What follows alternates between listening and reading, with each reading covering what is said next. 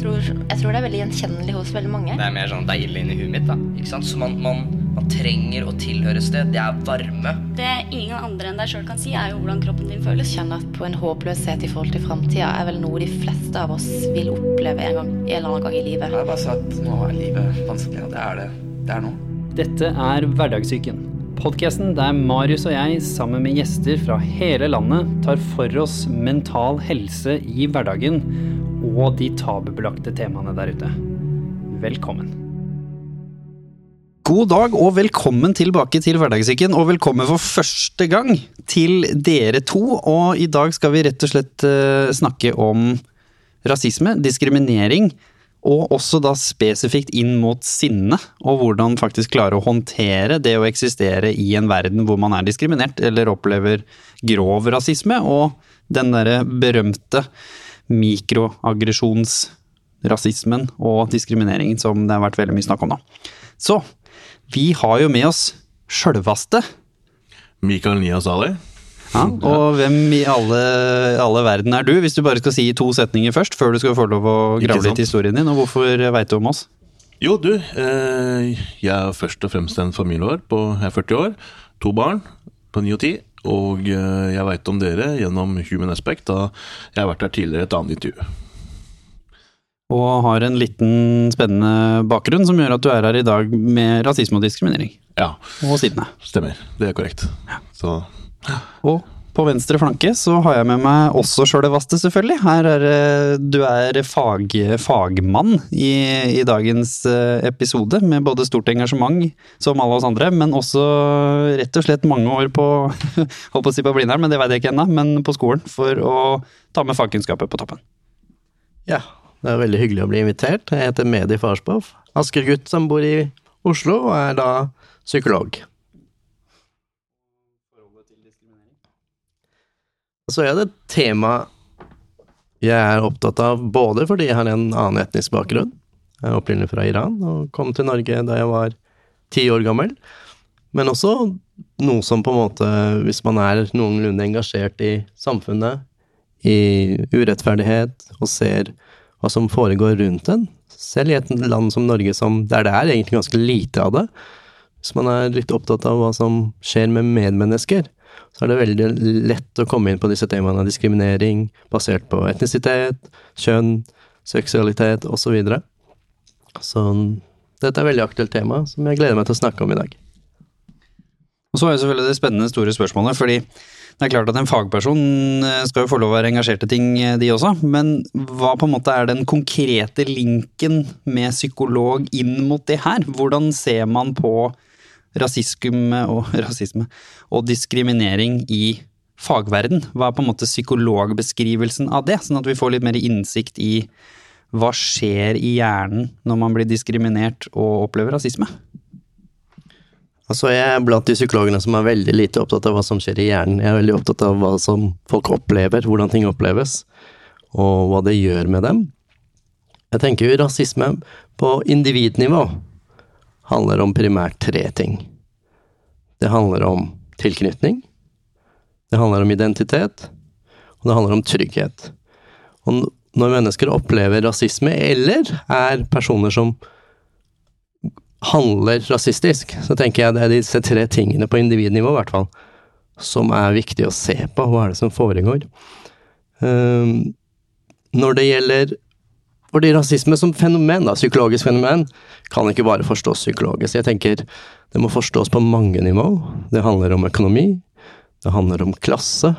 Det handler også selvfølgelig om personlighet, hvordan du, som, som vi skal komme inn på, hvordan du som menneske som blir utsatt for rasisme og diskriminering, hvordan du håndterer det, hva det gjør med deg, og hvordan du tenker om det. Jeg tenker mennesker som blir utsatt for diskriminering, de takler det på to forskjellige måter primært. Det ene er at de blir sinte, blir krenka, og det andre er at man overser det på en eller annen måte, lyver til seg selv om hva som hendte, og prøver å undertrykke det. Og begge deler har fordeler og ulemper, og det får vi komme nærmere inn på. Ja, la oss eh, hoppe over. Som sagt, denne episoden skal jo da ta for seg en av disse to primærområdene, og det er jo da sinne. Kan ikke du ta oss med tilbake til din opplevelse, Mikael, hvor du da møtte rasisme for første gang? Ja. Og ta oss med helt fram til da hvor dette ble vist og håndtert på da denne måten nummer to gjennom sinne. Ja, men det kan jeg godt gjøre. Eh, altså, jeg har en far da, som er fra Pakistan, og moren min er norsk. Eh, og eh, far var en av de første innvandrerne som kom til Norge. Den bølgen der. Men han var også veldig Når det kommer til hjemmet, så var ikke han Han tvang meg på en måte ikke Tvang ikke oss til å eh, måtte ta mot hans kultur og sånne ting, så han integrerte seg veldig bra og godt. Men det han opplevde, var jo både jeg òg, da. Altså, det var da jeg begynte på barneskolen. Eh, første skoledag allerede der. Litt spent og sommerfugl i magen, og som barn flest. eh, Nervøs og glad. Og så får jo tildelt sånne faddere fra sjette klasse på den tid, som skal da ta vare på deg og være støttespillere gjennom den perioden, gjennom skoleperioden. Men jeg opplevde jo dessverre å få en veldig negativ erfaring der med at, eh, at eh, ene fadderen min, han eh, begynte da direkte pga. mitt etternavn som heter Ali, å kalle meg Pakkis allerede første skoledag. Og det var ikke bare måten, ordet pakkes, men det var liksom måten holdningen, stemmeleie, kroppsspråket hans som gjorde meg veldig nervøs også. Han spiste han var mye større, selvfølgelig høyde, vekt og størrelse. Så det var første gang mitt møte med, med rasisme, da, sånn personlig, på første skoledag. Og dette fortsatte jo utover barneskolen. Og det ble ikke håndtert, ble ikke tatt tak i. Selv så ble jeg veldig redd og veldig nervøs. Eh, Så jeg gruer meg veldig til å gå på skolen. Jeg husker jeg lå våken om kveldene nettene liksom, og fikk ikke sove. Jeg snakket heller ikke om dette hjemme. Jeg syntes det var litt flaut. Samtidig jeg visste ikke hvordan jeg skulle snakke om det heller. Så det blir litt som han eh, at jeg fortrenger det liksom og eh, prøver å skjule kanskje litt med humor og litt andre, andre former, da. Så Men jeg opplevde jo også å være vitne til rasisme gjennom min far, der han selv ble utsatt da jeg var liten. Der han, En episode der var jo i, eh, som jeg husker veldig klart og tydelig. En av mange, faktisk. Det var jo når han skulle, var mann på postkontoret en gang, og sto køen der. Og da var det to eldre herrer som eh, slang dritt da, om min far. Snakket om han i køen. Eh, og jeg syntes det var veldig flaut og vondt. Min far reagerte jo ikke. Han Jeg vet ikke hvordan han oppfatta det, men jeg fikk det med meg i hvert fall. Han må ha fått det med seg på en eller annen måte, men jeg syntes det var veldig ubehagelig. Og gjorde meg veldig redd og nervøs. Så Det samme var det jo når han Min far var veldig interessert i politikk da, engasjert. da. Så han eh, ble også truet en periode. Da husker jeg at han kjørte rundt med en øks i bilen. Og da jeg lurte på hvorfor har han øks i bilen, pappa. Og da viste seg eh, Han forsvant jo, dette var jo da på ungdomsskolen, ikke sant? fra barneskolen til ungdomsskolen, og da forsvant han plutselig, og mor satt og gråt hjemme. og jeg skjønte ikke så mye, og fikk da vite at uh, Han kom tilbake etter en ukes tid, men jeg fikk vite at han uh, måtte da dra. Han har blitt truet av en uh, gruppe som hadde veldig hatefulle ytringer. Da Da var det en rasisme da, som var bakgrunnen for at han var pakistaner. Han skulle ikke engasjere seg i politikken og måtte betale pengesummer til dem. Så jeg har møtt rasisme på mange forskjellige måter. da. Og når var det det her da tok den andre veien? For nå virker det som du først tok den første, du prøvde å overse det med litt humor, undertrykke det, ikke snakke om det, ikke egentlig fullt anerkjenne at det skjer, egentlig. Mm. Som er jo også en veldig, som nettopp eh, ble nevnt, en, en vanlig metode. Og så Mm. får sinnet overtaket. Ja, det bygget jo seg opp. At det først veldig redd og som jeg sier altså,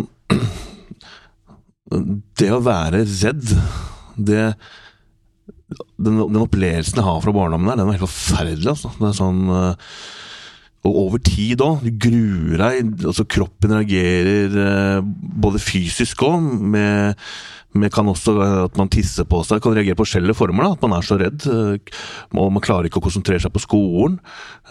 Skolen blir en veldig da, skal egentlig være en lærerik arena, blir en veldig negativ arena. Og det blir også da satt i gang tiltak. Hvorfor følger du ikke med i timen? Så du får liksom andre konsekvenser igjen. Så, så, men dette her førte jo også til på en måte at når mange år med det her, redsel, eh, traumatiske ting liksom, og da hos meg, så til slutt så bygde det seg bare mer og mer opp, som en slags tikkende bombe. Så Jeg begynte å bli mer og mer aggressiv. Jeg begynte å reagere utagerende, da, i en annen form. Eh, og til slutt så ble det her omgjort til sinne, da. Eh, og eh, Når jeg da også begynte på ungdomsskole, begynte å trene vekter, sånn 14-15 år faktisk, og kjørte hardt der for å få litt anerkjennelse på den måten. da. Få en arena der jeg kanskje mestra, som jeg også fikk god tilbakemelding på. For vekter når du trener, da, da får du også sånt resultater. Begynner du kanskje å se litt sterkere og større ut og sånne ting. Det er det som er målet òg. Men da hadde jeg også mer posisjon til å kunne Tenkte når du er stor og sterk, da kan du ta igjen. Og da brukte jeg sinnet til å ta igjen på folk, da. Så hadde jeg vel en utagerende atferd. Først og fremst så vil jeg jo bare si at det er veldig leit å høre det.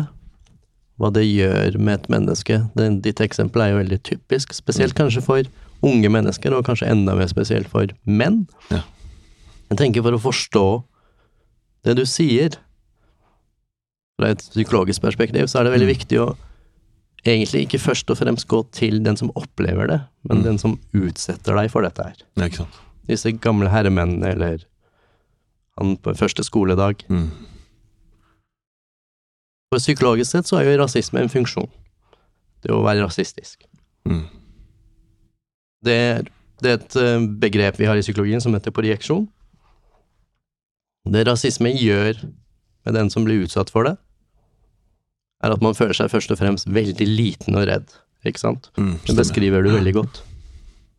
Men den som utfører den handlingen enten det er fysisk eller verbalt, eller gjennom kroppsspråket sitt Jeg vil påstå det alltid handler om at en mindreverdighetsfølelse Mm. hos den som gjør det. Enten det er mot en etnisk minoritet, eller en mann som gjør det mot en kvinne, eller heterofil gjør det mot en homofil. Altså, det handler alltid et annet sted hos den som utfører handlingen. handler det om at man evakuerer, kaster ut noe man ikke tåler ved seg selv, Mm. på den som blir utsatt for det. Så det, det ofte skjer med folk som blir utsatt for det, er at de føler seg ekstremt ydmyket. Små, ubetydelige Mm. og svake. Spesielt hvis du ikke får muligheter til å snakke om det eller bli sett og bli forsvart, sånn som det høres som du ikke ble. Mm. Så kan man sitte der og føle seg veldig liten og ubetydelig i verdens øyne og andres øyne. Mm. Og det vi gutter og menn oftest gjør da, i en sånn situasjon, uansett hva det er som har utløst den følelsen, er jo først kanskje late som det ikke skjedde, men det har jo skjedd. Det har jo planta seg i kroppen, i sinnet Ja, vårt. Kan kjenne meg. Og det neste vi ønsker òg, er jo på en måte, på, ut fra våre forutsetninger Gjøre noe så at det ikke har en betydning. Men det Mm. klarer vi ikke, for det har skjedd, som sagt. Og det typiske da er å bli sint. Mm. Utagere på en eller annen måte. Den følelsen, den opplevelsen å være liten, ubetydelig, svak. Mange menn spesielt vil reagere med sinne. Før senere, sånn som du sier, beskriver også. Mm. Enkelte vil selvfølgelig også reagere med å la dette sinnet gå utover seg selv, ikke ta det ut. Mm. Ikke sant? Ja, helt klart. Også et lite spørsmål som, eh, som jeg tenker fra sida som er fint å ta med her i starten. Fordi Mikael, du forteller jo om det her fra du var ung. Ja. Jeg snakker ganske mye om, når vi er ute med skoler og sånn, om utviklingen av perspektiv, kognitivt i hjernen, som er ofte noe som folk glemmer litt, spesielt hvis man føler seg litt voksen. I dagens verden så virker det som folk er voksne når de er 15, ikke sant. Men, men altså emosjonelt og utviklingsmessig så har jo ikke hjernen vår blitt så fryktelig mye gløggere de siste par tusen åra nesten.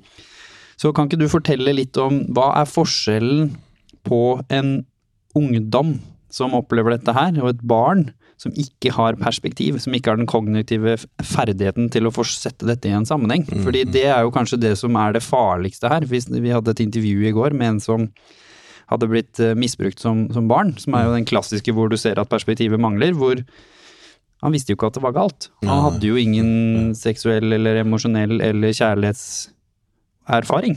Så han tenkte jo ja, ja, det er vel sånn det skal være, da. Voksen person utøver noe. Som, som kan jo trekkes som en bitte liten sammenligning. Så også i starten så kan man jo nesten ikke helt vite om Mm. Er det sånn det skal være, på en måte? Ikke sant? Så kan ikke du fortelle litt om hvordan dette utvikler seg, og hvorfor kanskje det er ekstra viktig at vi voksne rundt er observante, fordi Mikael, du trakk så fint frem at det ble ikke gjort noe med, sa du. Mhm. Det ble ikke håndtert. Og det var ikke ditt ansvar heller, for det er jo lett å Mm. tenke jo, jo, men du skulle sagt fra. Nei, du skulle ikke sagt fra. Noen skulle fanga det opp. Og ikke minst, eh, hvorfor er det ikke så lett å, å si fra da, som, som barn, eller kanskje spesielt som tenåring og ungdom i dag? Veldig godt spørsmål, veldig viktig spørsmål. Før jeg svarer direkte på det, så vil jeg bare si én ting. For voksne kan dette, når man observerer dette som voksen i barneskole, ungdomsskole eller annen setting, så er det lett å se på dette, den type atferd. Rasistisk atferd. Se på det som Ja, det er erting og mobbing. Mm. Som den klassiske. Det er veldig lett. Jeg tror veldig mange voksne, uten å ane, plasserer den type atferd. Mm. Men jeg vil jo ut fra hvordan det oppleves, og hva det fenomenet er, påstå at det er noe helt annet. For det har noe både strukturelle, historiske og psykologiske røtter som gjør det til noe annet enn bare mobbing og erting. Mm. Eh, for å svare deg, Jimmy, så handler dette her om eh, at barn og ungdom i utgangspunktet har færre forutsetninger for å forstå dette psykologisk, kognitivt plassere det, som du sier det så godt, plassere det hva er det som foregår, og siden man også har få erfaringer i livet generelt, så er det veldig vanskelig å takle det og plassere dette her ja, ok, dette er en sånn tilfelle, og da reagerer man sånn. Og så tror jeg veldig mange voksne rundt barna, ikke bare lærere her, men kanskje foreldre som får vite innblikk i det. Dette er veldig smertefullt å oppleve at barnet ditt, ungdommen din, opplever sånne ting. Så jeg tror veldig mange voksne vil også helst undertrykke det. Ikke snakke om det og si at dette har jo ikke skjedd, for det er for smertefullt for foreldre også. Å se, akkurat som det tenker det var smertefullt for deg i den postkontoret å se faren din bli behandlet sånn, Mm. så er det jo minst like smertefullt for voksne. Så de vil glemme det, men voksne har jo noen flere ressurser, rett og slett, for å håndtere dette her. Og jeg tenker generelt et råd til barnehageansatte, og barneskole osv., lærere, andre voksne som er rundt barn, ta tak i det raskt. Veldig, det er det viktigste. Fordi barn kan fort tenke at, som du sier, dette er normalt, Mm. det er noe galt med meg. Og når den tanken har forplanta seg i kropp og sinn, Mm. at det er meg det er noe galt med, sånn er verden, sånn skal det være, så er det ekstremt destruktivt. Både hvis det utageres, men også hvis det inageres, altså man tar det innover seg. Det tror jeg tar oss perfekt videre inn i historien din, fordi jeg husker jo intervjuet ditt veldig godt. Kan ikke du fortelle om når den følelsen kom, og når dette her sklei for deg fra bare utagerende sinne på skolen og inn i det som til slutt ble da ganske hardt inn i gjengmiljøet? Mm. Jo, nei, eh, altså den mobbingen og samtidig at jeg eh, hadde lese- og skrivevansker, kombinert med det, eh, så ble skolen en arena jeg ikke mestret noe særlig. Og det er jo basert på karakterer og oppførsel, ikke sant. Og jeg fikk jo veldig mye negativ tilbakemelding av det, da. ikke sant? Både i form av karakter og oppførsel og sånne ting. Så jeg følte jeg ekstra grunn av det systemet der òg, som var satt i verk. Eh, og eh, så må jeg si bare én ting sånn at det, det, som, det som skjedde her òg, var at når jeg følte meg så liten da, med den mobbinga og følte meg ikke særlig verdt noe, så forplanta det seg på en slags sånn ondskapsfull måte at jeg også begynte da å plage andre igjen. For jeg begynte da å bli en av de som selv, altså de som plagde meg, jeg ble en av de. Jeg, jeg lot det gå utover andre igjen, som jeg fant, da, som var mindre enn meg, og som jeg så feil med oss. Eller som, som, jeg, som jeg kunne ta igjen på. da. Så det ble en sånn ond sirkel med det her. Det er ganske vanlig, er det ikke det? Du kan jo komme med en liten sidekommentar her, fordi før du fortsetter, Ja, ja. eh, Mikael. Fordi det er ganske vanlig, for det er nok mange der ute som tenker nå at jeg er jo slem, jeg òg. Og da gjør du i hvert fall ikke noe med det. Det Hvis blei også ikke bare sånn. mennesker, men også på dyr, faktisk. Sånn, ja. Det blei sånn Ja, katter og litt sånne ting, at jeg var veldig slem mot de òg. Dette her er jo ganske vanlig, for det er jo også den klassiske de som har blitt misbrukt og abused eller banka opp, fører det videre. Ikke alltid, men det kan skje. Og det er en relativt uh, vanlig respons, sant? Ja, det er en veldig vanlig mekanisme. Jeg vil påstå spesielt hos menn. Mm. Mm. At eh, vi tåler eh, den opplevelsen, følelsen av å være små og ubetydelige. Mm. I våre egne øyne, og andres øyne, den er så utholdelig for Spesielt i tidlige år, da, altså når du er barn og ungdom. Den er så vanskelig å håndtere alene. Mm. Og voksne håndterer det heller ikke, egentlig, så godt. Veldig ofte. Så da blir det en måte å evakuere den vanskelige opplevelsen, følelsen på, er jo å ta noe utenfor deg som virker i dine øyne som mindre Ja, svakere. Riktig. Mm. Så er det Det er jo det som skjedde. Ja, det var det som skjedde. Og, um, sånn rasisme, jeg så den på forskjellige former. Um, og eh, det førte jo bare til at jeg ikke hadde noe godt skoleforhold, da, rett og slett. Så det var jo en rekke andre faktorer, bl.a. at helsesøster liksom, og møte med henne eh, viste at jeg også var fargeblind, da, for å toppe det her litt. Men det blei også da, når en voksen autoritetsperson også igjen da, eh, sier til meg da at eh, du kan ikke bli brannmann, jagerflypilot eller politimann pga. fargeblind i tillegg. Da tar du livet av et par drømmer, da, som guttedrømmer. Og da, da liksom sånn ok, er det noe mer nå? så det var veldig mye. Så det var en rekke, rekke årsaker, da. Eh, men, eh, men når det kommer til den rasismetråden, så er den, den eh, var veldig ond og veldig dyp. Så når jeg da jeg sluttet på skolen, jeg, når jeg hadde mulighet til å bli eldre, og sånne ting, så fant jeg at det, skolen den vil jeg ikke det er ikke noe for meg. Jeg er drittlei. Trivdes ikke i det hele tatt. Og det var ikke en arena jeg mestret på. Jeg ble ikke sett. Jeg følte jeg ikke fikk anerkjennelse der. Jeg ble ikke hørt noe særlig heller. Så da trakk jeg til også andre andre miljøer, da, en annen setting der jeg følte at jeg blei sett og hørt og fikk anerkjennelse, men i den settingen jeg da valgte, var mer destruktiv for meg selv. Da, da vi gjorde mye sånn småkriminalitet å begynne med. Uh, utagerende oppførsel. Alt fra liksom uh, Så det blei jo med at du begynte å stjele biler og liksom fant på mye sprell. da, og i, i, i det så er vi forskjellige skudd som forskjellige personer òg, da. For jeg vil påstå at jeg var en av de som Jeg var ikke den mest utagerende, men jeg, var veldig lett påvirkelig. Uh, så jeg ble ofte med. Det var andre skikkelser, uh, andre barn og ungdommer som dro, var mye sterkere på å dra med meg på ting. Og jeg var veldig sånn ja, jeg blir med. Jeg, sa, jeg var ikke klar til å tylle nei. Så jeg ble med uh, på en rekke ting, og det tar jeg ansvar for selv, da, men var litt påvirkelig. og så det så da begynte jeg slutta på skolen, begynte å jobbe istedenfor. Uh, og så dro jeg Forsvaret, eller ble innkalt til Forsvaret, da, der jeg eh, traff et miljø som jeg følte faktisk at jeg mestret. Jeg hadde begynt å trene mye vekt, jeg var fysisk sterk. Jeg handlet i Telemarkbataljonen. Og eh, der ble jeg anerkjent. eh, opp til litt rasisme der òg, pga. etternavnet Ali. Det tror jeg et par andre også gjør. sånn der Pakkis, du er fort til å slenge liksom blant gutta. Men der satte jeg litt grenser. For der sa jeg altså, for jeg kaller han meg Pakkis en gang til, så kommer jeg til å slå deg ned. Og det er veldig sånn klar og tydelig, Men da brukte jeg vold som et middel til å til å true og løse det på, for vold er veldig effektivt, lærte jeg. Du får en umiddelbar respons. Um, men da jeg senere også, når jeg kom tilbake Jeg, dro da, fikk jo mulighet til å dra til um, i Telemarksbataljonen så har du mulighet til å være med i utenlandstjeneste hvis du er skikket. Så uh, jeg fikk litt orden på ting og følte meg uh, Følte at jeg ble anerkjent i det miljøet. Et slags brorskap, samhold. Og fikk tilbud om kontrakt, så jeg dro ned til Kosovo da, i 99. Eh, og var der til over 2000. Så vi var de første som dro ned til Kosovo.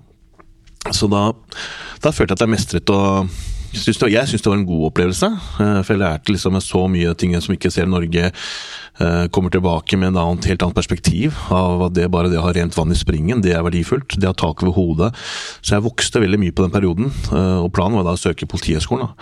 Så, um, men så skjedde det jo ting igjen da, som uh, gjorde at det ikke skjedde. Blant annet at jeg mistet en kjæreste.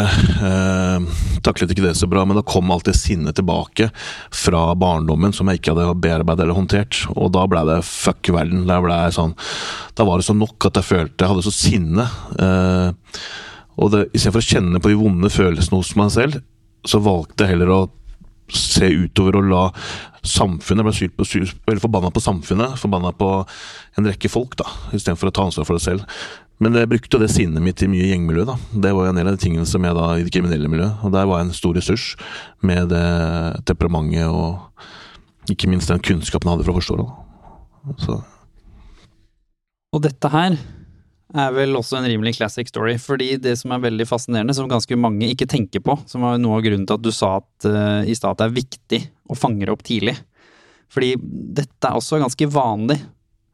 Det skjer, så går det greit, du undertrykker det, så kommer du plutselig til en positiv ting i livet, ting går bra, og så får du én smell i nakken. Så den, den, får du jo. Alle som har levd, ja, ja, alle som har levd over 30 år, skjønner at det, den kommer. Åkke som.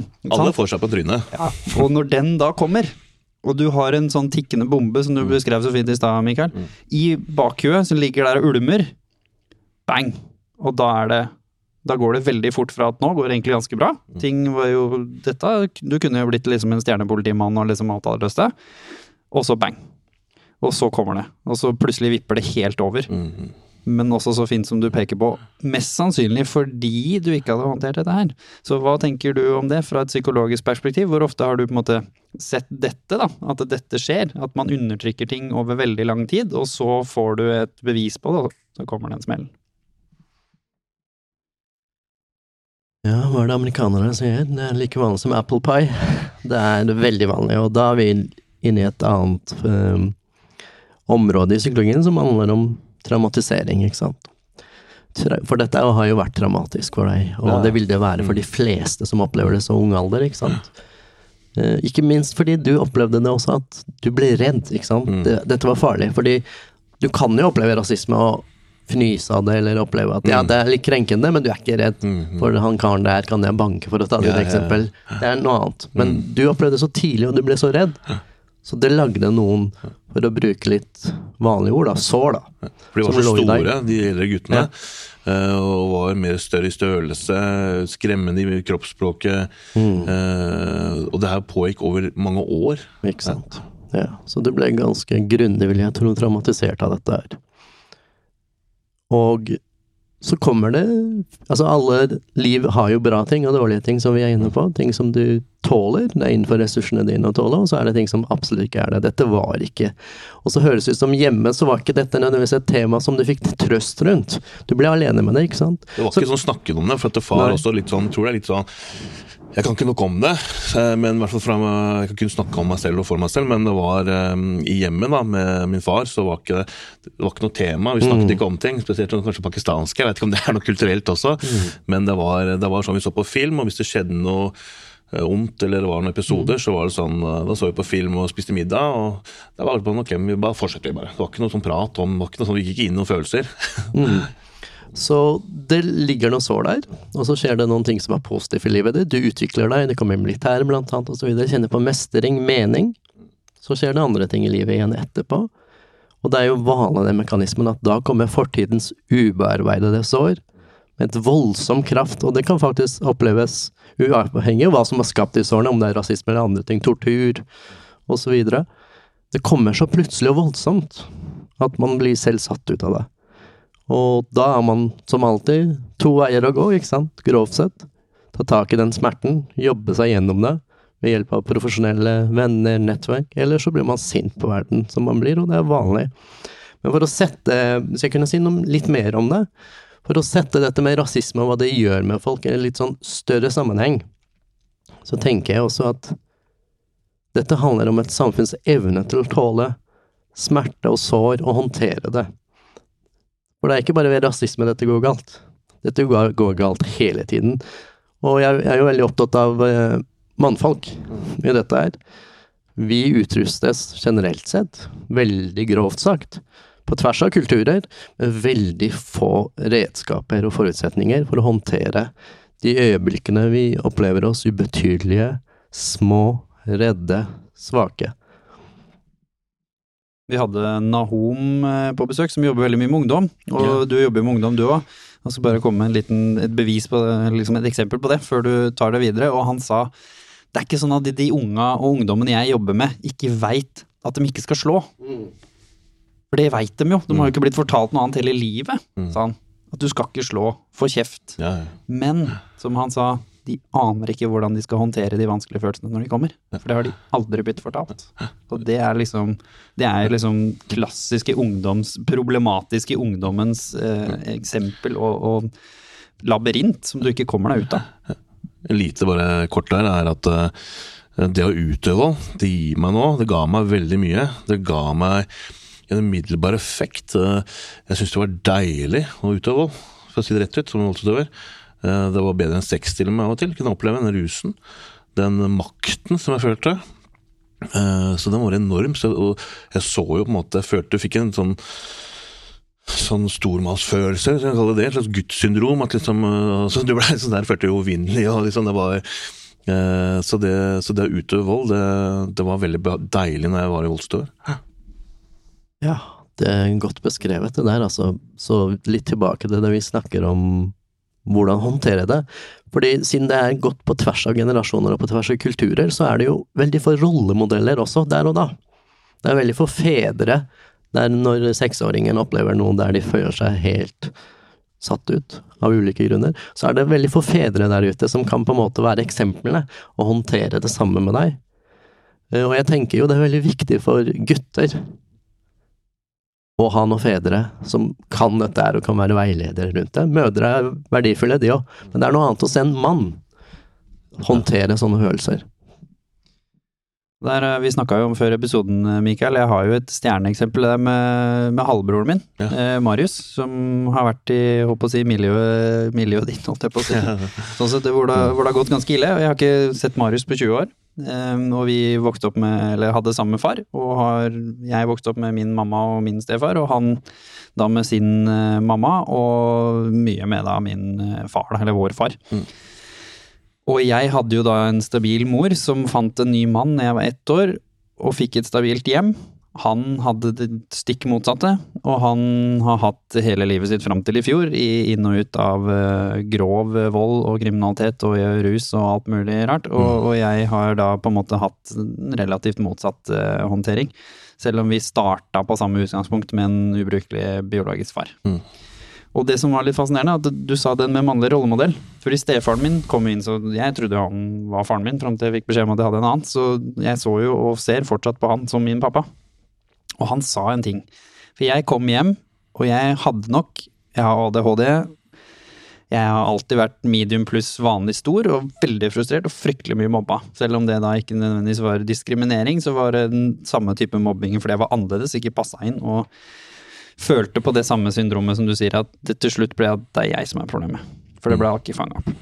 Mm. Og så var det noen da som kasta stein og kødda med meg, og jeg kommer fra en familie som onkelen min er bokser, mamma er liksom litt hissig på seg, og liksom Så det var nok en naturlig respons i meg, å banke den opp, rett og slett. Mm. Gjorde ikke det, kom hjem, fortalte om det her til stefaren min, og liksom sa hva gjør jeg nå? Mamma var litt der, liksom.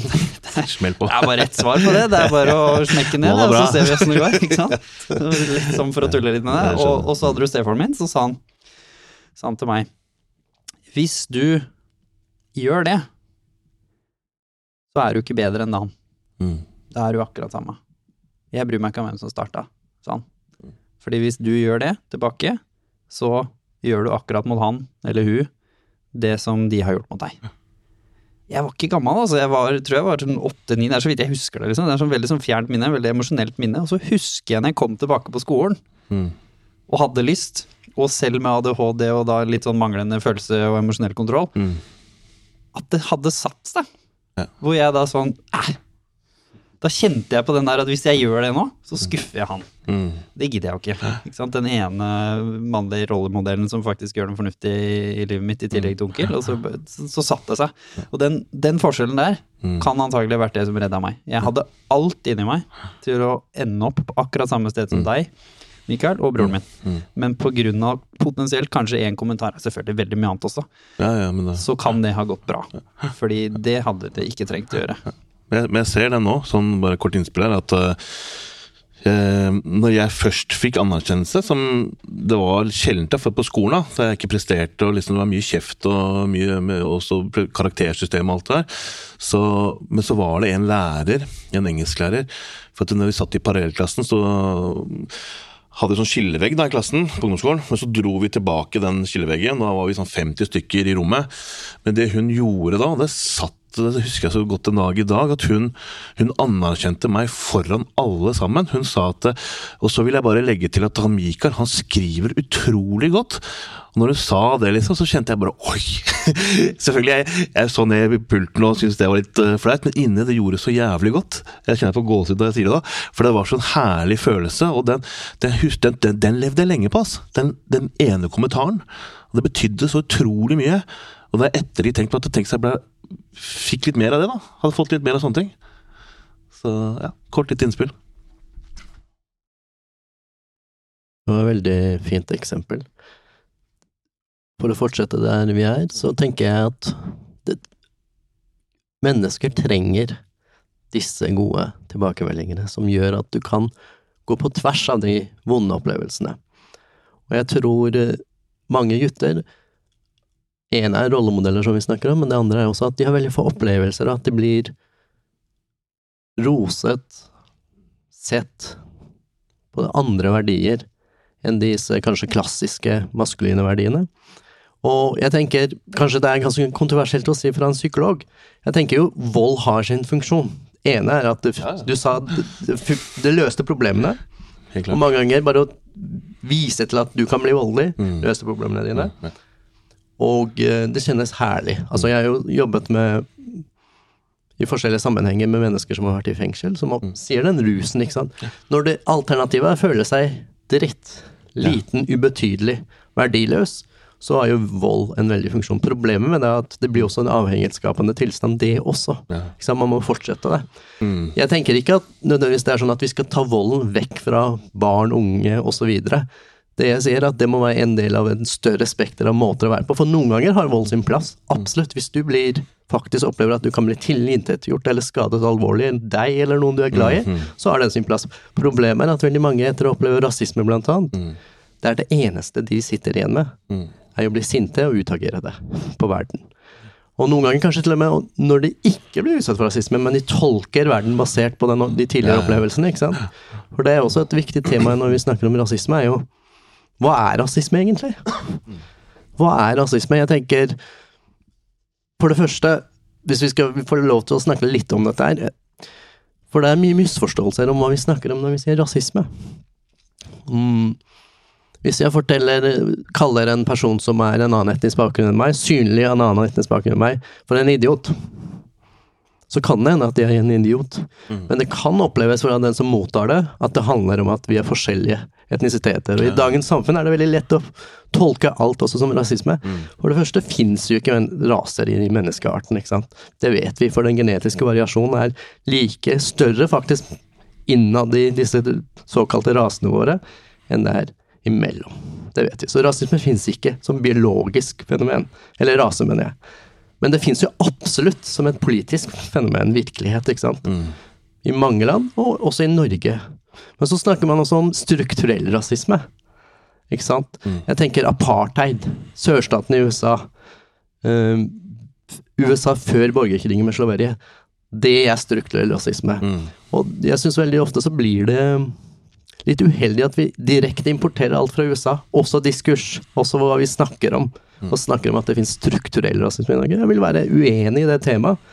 I Norge finnes det rasisme, punktum, ja. Men å kalle det strukturell rasisme tror jeg blir feil. Vi er litt på siden av eh, hva vi skal snakke om, som er sinne og rasisme. Men jeg tenker det er veldig viktig å etablere disse begrepene. Ja.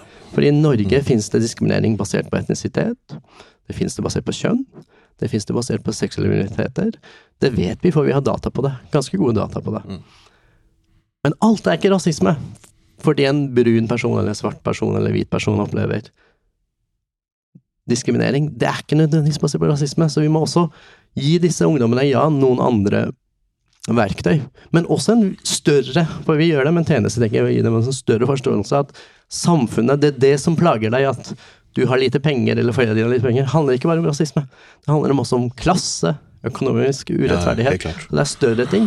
Men jeg tror først og fremst så trenger vi å gi våre, spesielt gutteungdommer, flere verktøy for å håndtere vanskelige følelser, og også følelser som rasisme kan sette i folk. Jeg har et godt eksempel. Det er noe nylig, faktisk, eh, for to dager siden. Da jeg hadde med niåringen og tiåringen min, sønnen og datteren min, på basketballbanen der i nabolaget.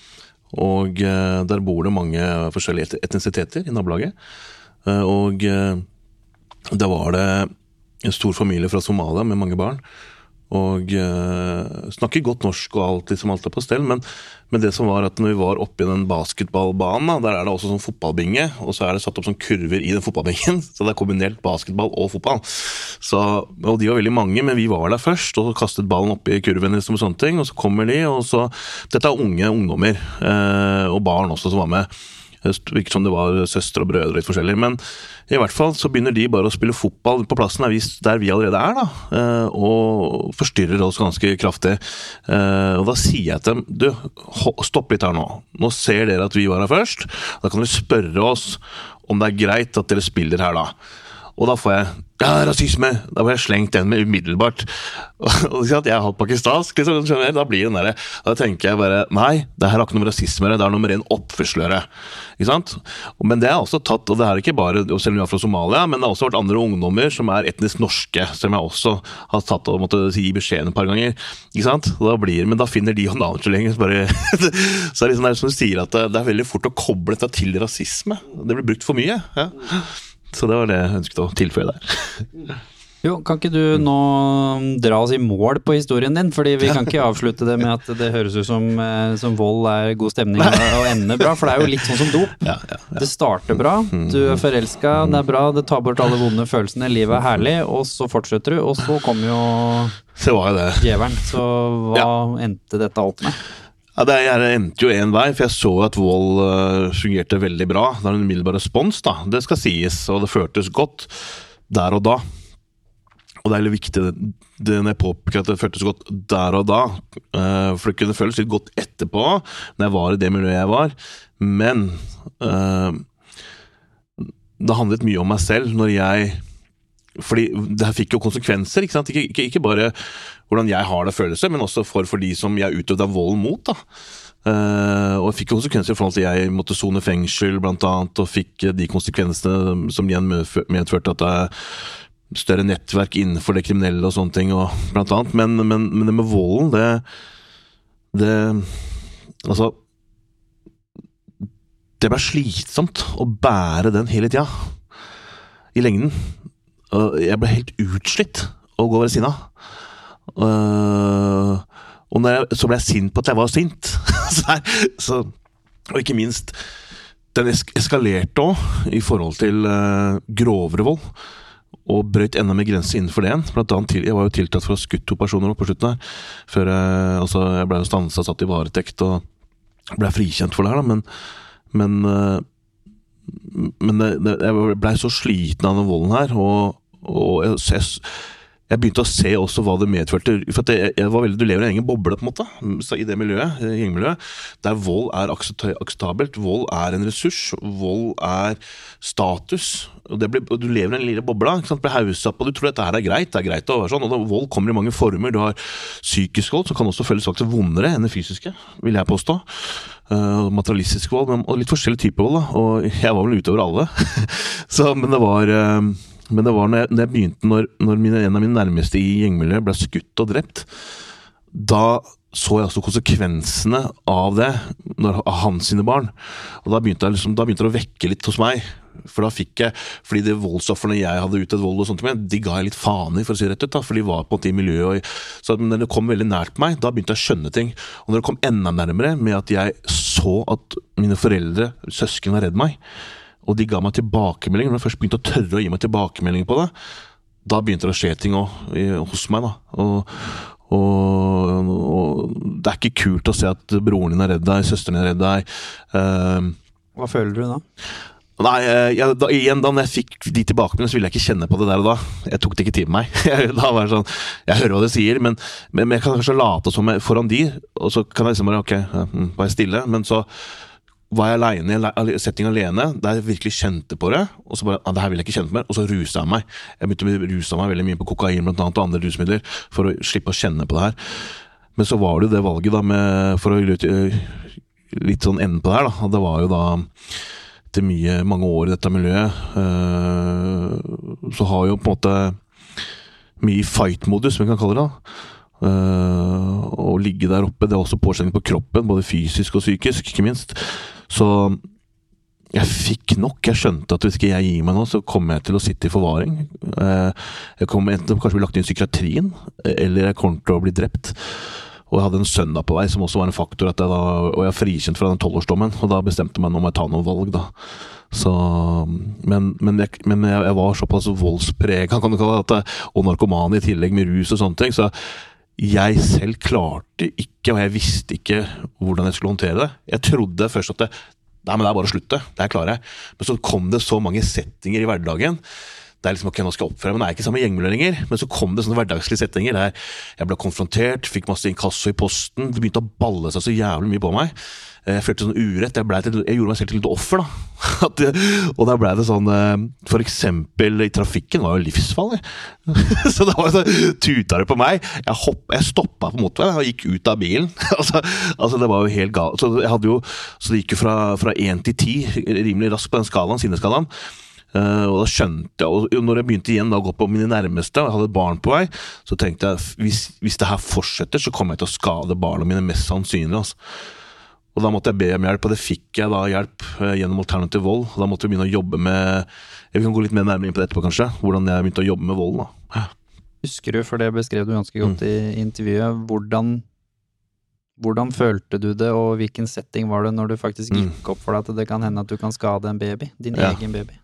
Ja, det her da, da hadde jeg Og det tok litt tid før jeg turte å anerkjenne og se meg sjøl i speilet, eller å vende det speilet mot meg selv. Liksom bare at det, er jeg som er problemet. Det er ikke samfunnet. Det er ikke han derre stakkars Nav-duden som, som nekter meg penger, ikke vil gi meg mer penger. Det er ikke mor og faren min som er skyldig der. Det er ikke han som mobba meg. Altså, jeg begynte at nå, nå må jeg ta ansvar. Jeg er voksen, og nå skal jeg ha et barn. Så når sønnen min kom til verden, da hadde jeg begynt å jobbe med, med en psykolog, Cecilie Kofte Larsen, og gi henne litt anerkjennelse her. At hun øh, først etablere tillit med meg og henne, og så begynte vi å jobbe på, på forskjellige mønstre og sånne ting. Og ikke minst den impulskontrollen, den var viktig. Så jeg hadde en del, begynte å få litt verktøy, å, men det skal viktig å si at jeg, måtte være rusfri for å klare å ta timen her. For hvis jeg var rusa, så hadde jeg ikke klart å ta imot behandlingen. Så jeg var, da hadde jeg vært rusfri ganske lenge, og da kom det jo enda mer belastninger. Og så da kom det traumer tilbake, drømmer og alt mulig jeg hadde gjort. Men, men øh, det som er greia da, da har jeg begynt å jobbe med henne. Vi har jobba mye med stopp, tenk. ok, liksom Jobba mye med sånne ting. Sett for meg settinger, situasjoner. Jobba litt med følelser. Og sånne ting. Begynte sånn småstarta. Og heldigvis for det, for da, da sitter jeg med sønnen min, som er da en baby. Han og babyer, som sagt, de er jo litt løs i nakken, har ikke helt kontroll, motorikken. Og jeg holder han inntil ansiktet, liksom overfor ansiktet mitt, og han da, hodet hans nikker da til nesa mi. Og jeg kjenner da, for jeg har ikke all den åra med sniffing av kokain, så er ikke nesa mi helt det samme, liksom. og Det kan fort bli litt sånn der. Så jeg kjenner da bare at og, og min umiddelbare tanke da er å nikke tilbake. Men jeg gjør det ikke. Men det var første tanke sånn umiddelbart. Den kom som lyn. Nikk tilbake, svar tilbake. Og så bare Der er sønnen din, liksom. Stopp. Så bare det lille mikrosekundet av stopp, liksom. Kom inn i huet. Stopp, da. Så vi har trent litt og fått litt på plass igjen også, gjennom uh, arbeidet med Cecilie. Så nikket jeg ikke sønnen min, men heller la han inntil eh, skulderen min og bare gråt for meg selv. Og tenkte at Og bare Fy faen, det her kunne gått så ille. Og da gikk det virkelig opp for meg at eh, jeg har en stor jobb å gjøre, men jeg er så utrolig glad at jeg begynte å jobbe med det her. Altså. For hadde jeg ikke tatt og søkt hjelp, profesjonell hjelp med å få på plass disse verktøyene og snakke om ting, så hadde jeg faktisk nikka til lille sønnen min som var en baby. Kunne skade han alvorlig. Det var en veldig rørende historie. Er veldig glad for at du delte den her. Kjente det traff meg veldig. Og det skjer jo faktisk, Mikael, at folk skader babyen sin. Og har det, den bagasjen emosjonelt som gjør at det mikrosekundet du trykket stoppknapp ett sted inni deg, så skader de babyen sin. Mm. Og jeg tenker det, dette med hva kan vi gi ungdommene våre som blir utsatt for rasisme, sånn at det ikke havner på den veien du beskrev, som du heldigvis har kommet deg ut av, og en litt sånn sidebemerkning, jeg tenker Vi har jo ingen illusjoner om menneskets syke. Man er jo aldri ferdig med sin bakgrunn. Altså, det kan gjøre mindre vondt, det kan være sånn at du er mindre styrt av det, men det er der. Alltid. Og man står alltid i fare på grunn av eksterne og interne ting, Mm. og falle tilbake på det sporet. Og det er så viktig at vi forteller blant annet våre ungdommer at Mm. det er ikke sånn at det er bygd opp som en amerikansk film, Ja, livet. ja, ja. At først er det vanskelig, og så blir det, Så det- går du gjennom det, og så er det over. Så da er det lykkelig til slutt. Veldig bra du sier det, påpeker det, altså. Ja. Man blir ikke ferdig. Mm. Og ungdommene våre som blir utsatt for rasisme eller andre typer krenkelser, da, for det blir de, hvordan skal de heve seg over det? For det er veldig lett sitte her og si at ja, men man må heve seg over Mm. Det, man må ikke bli voldelig, man må, man må tenke seg om. Mm. Utfordringen er at den type oppvekst som du annet beskriver så godt, gir deg ikke de mulighetene og verktøyene for å nettopp gjøre disse tingene. som Jimmy sa, altså disse folka, disse gutta, vet jo at man ikke skal slå. De har ikke hørt noe annet, som Ja, ja. du sa, hele livet. Men hva må til for at du ikke slår? Og jeg er jo ingen pasifist, jeg mener jo ikke at det er alltid galt å slå. Nei, Det mener jeg virkelig ikke. Nei, nei. Noen ganger så har det sin plass. Men når det er eneste du har, og de voksne bare forteller 'ikke gjør det', hva, hva er det du sier til dem? Det eneste som kan få deg til å føle deg noenlunde bedre, det skal du ikke bruke. Ingen lytter til det. Altså, ingen vil jo lytte til det. Det er som å si til en sulten person at vet du hva, de kjeksene der er for fete, de skal du ikke spise. Men du tilbyr ingenting annet. Så hva er alternativene? Ikke at de har svaret, men jeg tror veldig på det at fra allerede tidlig barnsben av, foreldre, voksne, menneskene rundt små barn, må fortelle og normalisere og leve ut vanskelige følelser med guttebarn også. Ikke sant? Det er veldig vanlig i alle kulturer. 'Nei, men du er så stor gutt, du er så tøff, det var ikke noe'. Ikke sant? Den klassiske der. Det gjør noe med menn når de blir store. Og vite, det å vite at det er greit å gråte som gutt, det er viktig å få inn. Jeg er helt enig, og mm, siden, siden jeg ikke er fagperson, så kan jeg tørre å synse litt mer hva som, hva som er riktig og hva som er galt. Men nei da. Ehm, men jeg vokste jo opp med å bli mobba for at jeg var for eh, feminin, eller emosjonelt kontrollert. Og jeg hadde jo litt sånn dilemma også, fordi jeg var jo fysisk ganske stor. Og på idrettsbanen så var jeg jo et beist. Altså, var jo, de var jo redd, liksom. Jeg var kjent for å være han som tålte skikkelig mye deng, og ga mye deng på en fair måte på banen. Så jeg havna i en sånn derre snodig mellomgreie, hvor jeg da selvfølgelig i hvert fall ikke skulle vise følelser. Ja. Så når noe da skjedde, så var det jo helt natta, for min sannhet var jo at dette ble jeg jo mobba for. Dette er en svakhet. Lukke inne. Så når jeg da gikk gjennom veldig tøffe ting med, med pappa, altså den biologiske faren min, når jeg var der i helgene og han er alkoholiker og mye av det samme som, som Marius øh, har gått gjennom, bare 100 ganger verre for Marius, så sa jo ikke jeg noe. Nei. Så min mor og min stefar fikk vite om hva som hadde skjedd for første gang når jeg delte intervjuet mitt nå, når jeg var 31. Ja. Ikke sant? Fordi jeg sa jo ingenting den gangen. Fordi det var helt uhørt. Og det var jo det samme som du også sa, litt en blanding av flau og skam og 'dette kan jeg fikse sjøl', men det var mye 'dette kan jeg fikse sjøl'. Hvorfor tenker du det når du er 13? Det er jo fordi det har jo blitt mata meg over tid.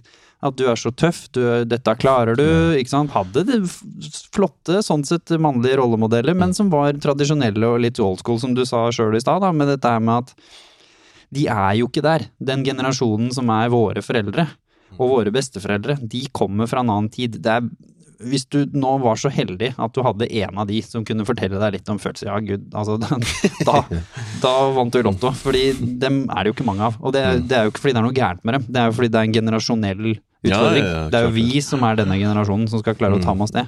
Men derfor er det så vanvittig viktig også, til dere som, som er foreldre.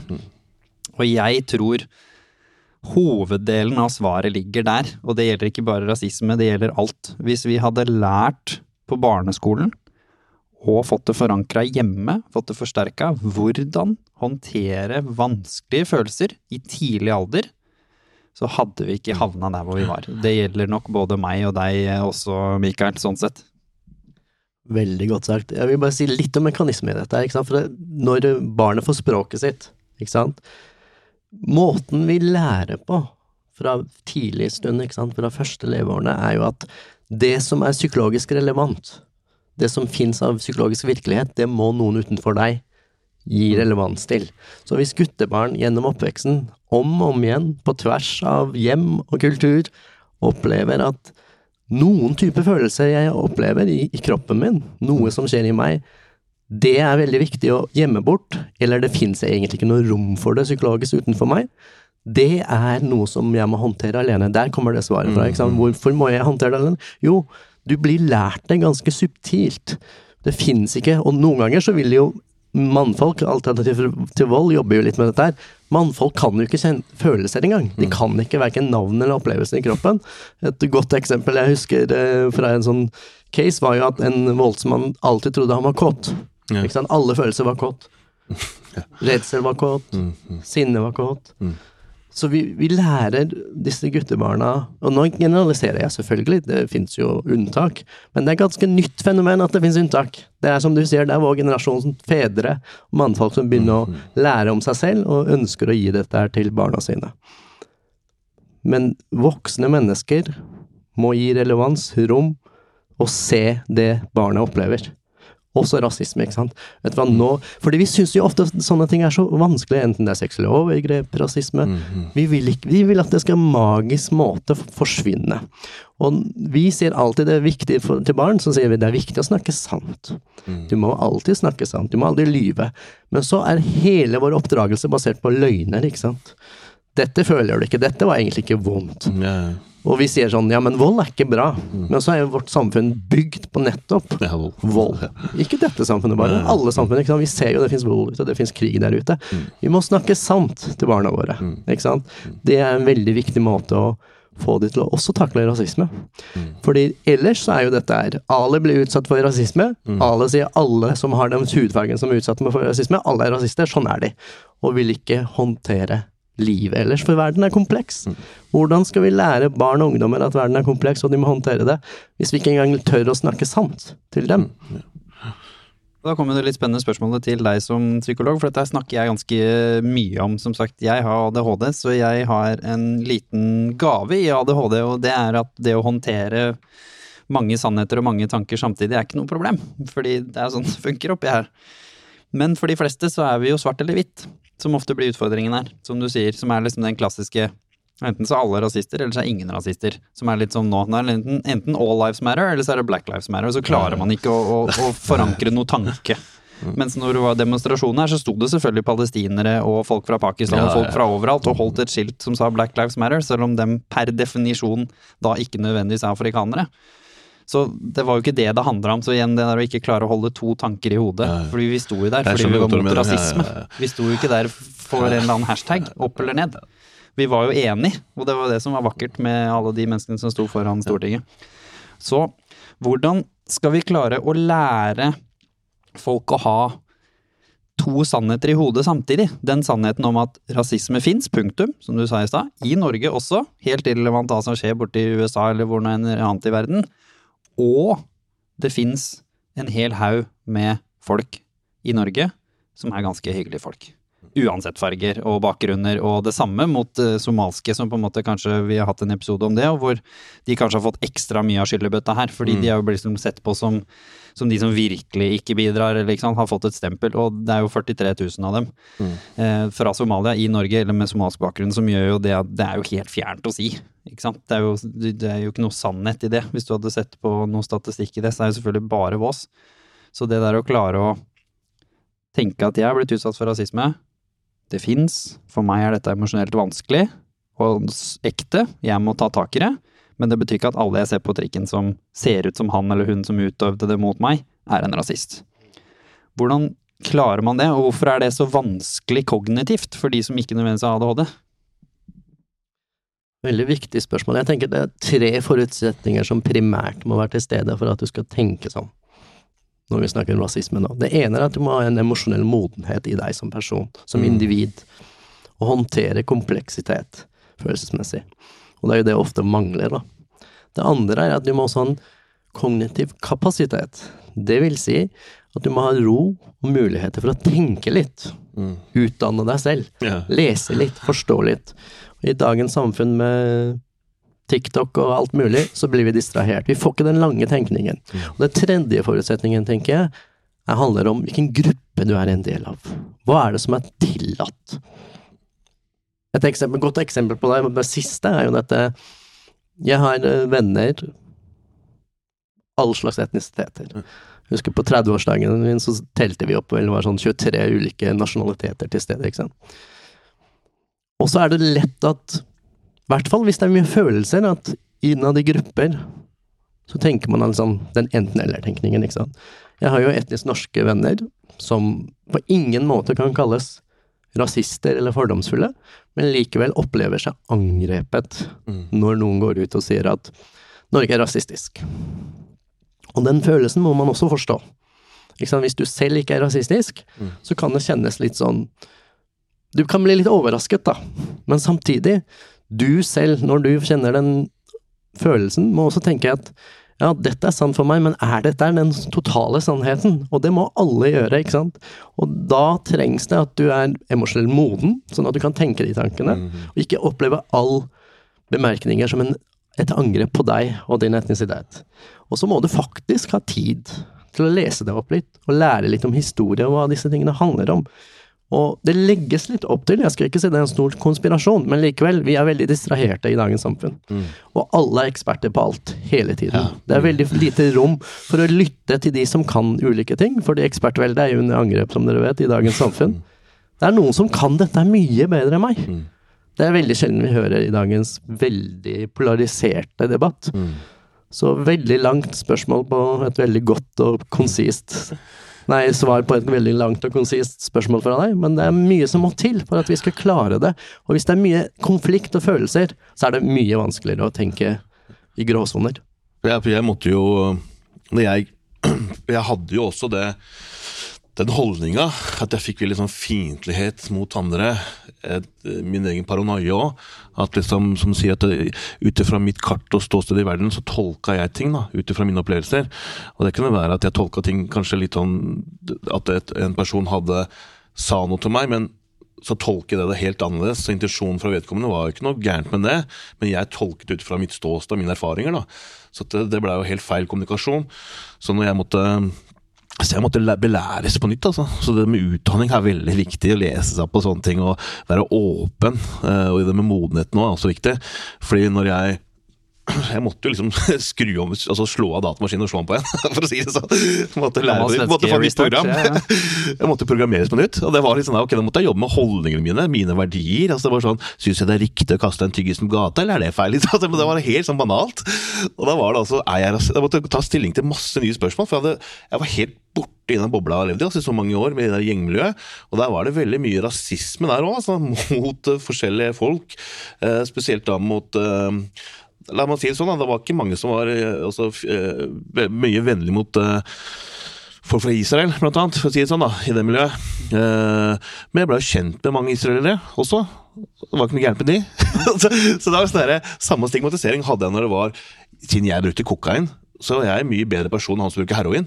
Så det var helt sånne tullete holdninger og programmeringer som jeg hadde i kroppen. Og det var også det med generalisering i forhold til somalere, i forhold til pakistanere. ikke sant? Så, det, så mitt var forvrengt bilde. Så jeg merker jo det i dag òg. Altså jeg måtte jo jobbe ekstremt med meg selv. Altså gå inn i meg sjøl og spørre er dette, hva, hva er det jeg tenker, hva er det jeg tror. For det er så lett å hoppe på den bølgen.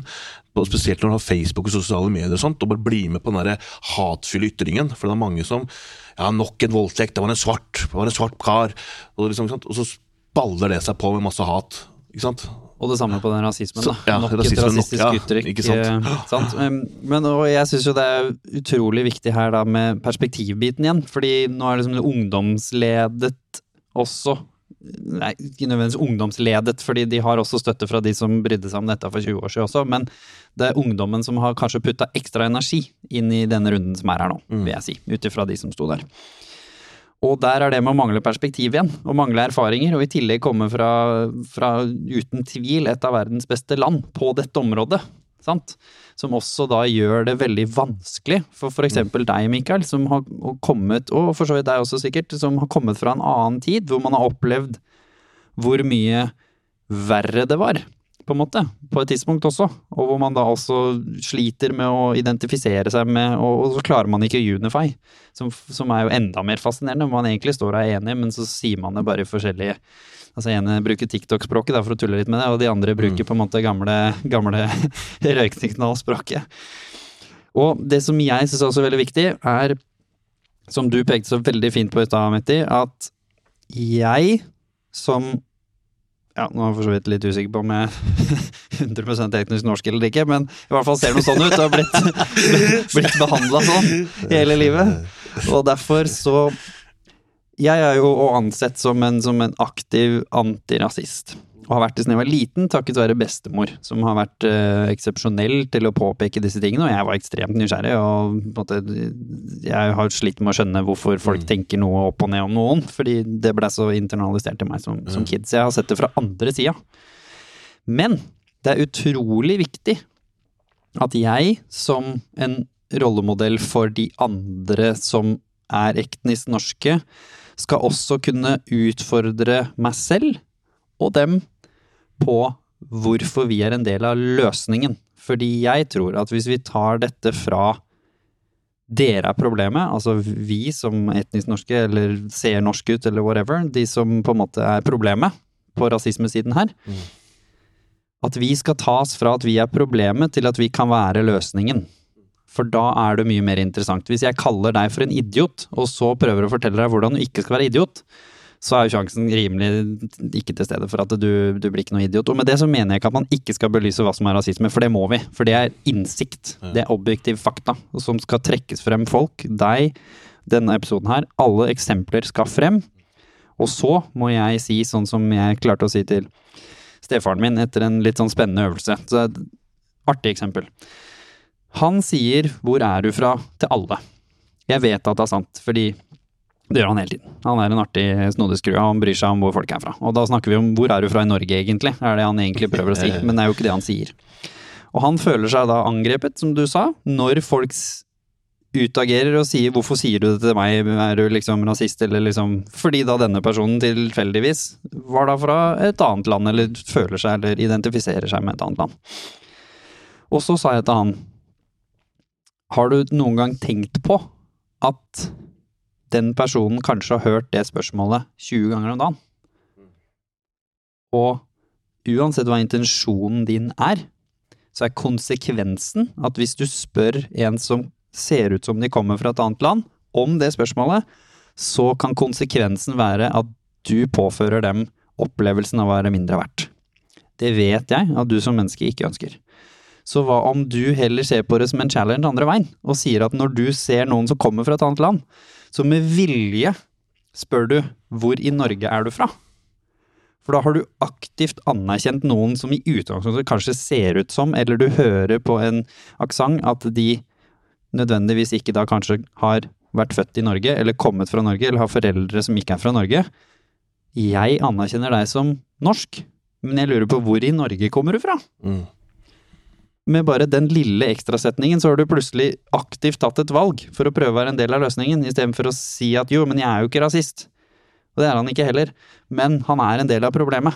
Fordi han ikke anerkjenner rasisme i samfunnet. Og det er vi alle, på et eller annet vis, som du sa også, da, om det er da mot somaliske eller om en annen gruppe. ikke sant? Vi er alle en del av problemet, om det er 1 eller om det er 99,5% Og så må vi ta for oss vår egen prosent, fordi hadde vi starta der, så tror jeg faktisk ting kunne skjedd, da. Mm. Ja. Veldig tankeprovoserende det du sa. Det eksempelet var veldig fint. Det var faktisk en konkret løsning. Hvor i Norge er du fra? Det løser mye. Samtidig vil Jeg syns det eksempelet er veldig godt av mange grunner. Dette spørsmålet, hvor er du fra? Altså, jeg ønsker å leve i en verden der det spørsmålet er nøytralt. Mm. Ikke ja, jeg sant? Fordi jeg forstår at noen kan bli opphissa av det spørsmålet, eh, med synlig etnisk minoritetsbakgrunn, ikke sant? Um, men for meg, hvis jeg tar det liksom naive perspektivet på det, så er det et annet menneske som spør deg, er nysgjerrig på deg som et, en person. Og så skjønner jeg konteksten, ikke sant? hvis du er blitt spurt om det hele barndommen din som en somalisk uh, gutt som har vokst opp i Oslo, så skjønner jeg Jeg forstår reaksjonene dine. Absolutt, jeg har ingen problemer med det. Og til og med kan være i konteksten der, så er det en person som er ganske fiendtlig ansiktsuttrykk. Ikke sant? Så jeg forstår disse Ja. nyansene. Men jeg tenker utgangspunktet. Et spørsmål om hvor folk er fra, er interesse. Og den kan være genuin og ikke genuin, men Mm. likevel. Jeg ønsker å leve i et samfunn og en verden Mm. der et sånt spørsmål er nøytralt. Er, og jeg sier ikke det er det i dag, men jeg ønsker å leve der jeg tar det som et, et annet medmenneske, inntil noe annet bevises i, videre i samtalen, er interessert i. Og så er jeg også interessert i meg. Og så er jeg også, tenker jeg, det spørsmålet For det, det kan, noen ganger så kan det gjemme seg litt rasisme også i den største antirasist, meg inkludert, ikke sant? Hvorfor skal det Fordi dette her handler om identitetsdelen om rasisme. Hvorfor skal ikke det i dette samfunnet her i Norge i 2020 være muligheter, og åpninger for mange forskjellige komplekse identiteter? Vet du hva? Jimmy spør meg hvor er du fra. Det er både da at jeg er fra Asker, men jeg er også fra Iran, og så er jeg fra Norge. Hvorfor må vi ha sånne enten-eller-identiteter? Hvorfor er det ikke mulig? Jeg, jeg syns jo for eksempel det er problematisk å være stolt av at man er fra ett sted, fordi man har ikke noe kontroll på at man er født, men jeg likevel Jeg er faktisk iraner, nordmann, Oslo-gutt, Asker-gutt. Mm. Altså, jeg er alle disse tingene. Jeg er helt enig. Vi må både rasister og antirasister må innse dette, her, at vi må løsne disse identitets... eh, hva skal jeg si kammerne våre. At det er enten eller. Vet du hva, jeg er faktisk alle disse tingene her. Og at du spør meg hvor er du egentlig fra, for den kan man også få, ser jeg på som en åpning for at ja, du anerkjenner at jeg har en større identitet enn det du kan forstå. Så jeg tenker det kan være ganske mye bra i det spørsmålet. Og at svaret, hvis du egentlig vil vite er jeg opprinnelig fra Iran, det trenger ikke være rasistisk i det hele tatt. Fordi det åpner for at det er både det og det og det og det. Og det er det også vi må klare i ungdommer. Du er ikke bare en sterk mann fra Romsås som er etnisk norsk. Du er så mye mer enn det. For da takler du også livet mye bedre. For hva skjer når en av disse leddene i identiteten faller bort, og du ikke kan leve det lenger? Er du ingenting, da? Nei, du er så mangt. Du er så mangt. Jeg, vi har utfordringer, men det går fremover. En, et problem i debatten om rasisme, syns jeg, er følgende. Jeg har mine unike erfaringer, og de erfaringene, bevisst eller ubevisst, må gjelde alle. Ikke sant? Veldig mange ganger så debatterer folk ut fra det. Så den personen som ikke er rasist, men etnisk norsk, som på en måte har noen fordommer, sier at ja, men jeg har aldri vært rasistisk, så der ergo ingen er rasister.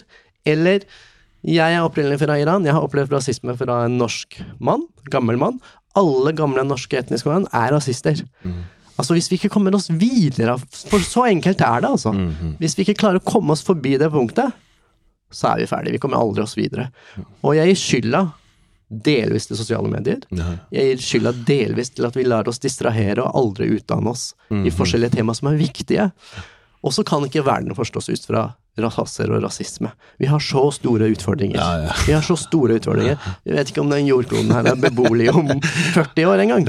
Så vi må videre fra disse Men jeg forstår smerten til folk. Både de som opplever seg behandlet rasistisk, og blir behandlet rasistisk, men også de som aldri har et har lyst til å være rasistiske. Aldri har opplevd seg som rasistiske. Syns det er smertefullt å bli konfrontert med Dere er rasister. Punktum. Det forstår jeg. Veldig morsomt at du trekker opp sosiale medier. Jeg har jo et mønsterhode som oppdager litt snodige ting, og jobber veldig tett med sosiale medier, og har jo litt mer enn gjennomsnittlig innsikt fra innsiden også. Jeg la ut et innlegg på Instagram hvor det står uh, følgende uh, Why do I start with this picture?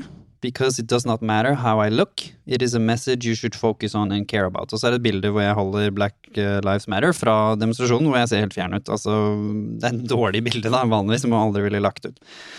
Og så skriver jeg da Thank you to the thousands of people that uh, united against racism and discrimination. Uh, let this be the start of a new era where systematic racism and flawed Og så tjo og hei, bla, bla, Da. Det er ikke så viktig hva jeg skriver videre, men skriver noe halvveis fornuftig. Og jeg har jo sånn røftlig regna 3500 eller noe følgere på Instagram. På dette bildet får rundt 400 eh, likes. Det er vanlig. 10% pluss minus. Ikke sant? Det er sånn algoritmen funker. Og i tillegg, når du hopper på da en trend, Black Lives Matter, så, så blir det litt ekstra trøkk. Og jeg har fått da 55 kommentarer.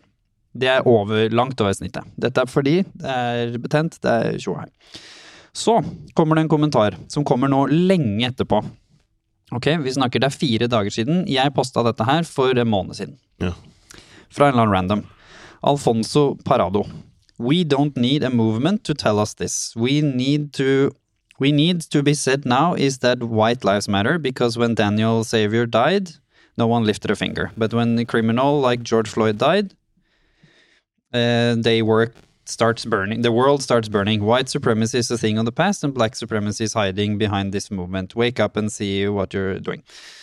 Ikke så fryktelig viktig hva han sier, men det var et eksempel på selvfølgelig Dette her er jo helt eh, fjerne saker eh, fra den andre siden. Ikke sant? Og så trykker man på hans profil.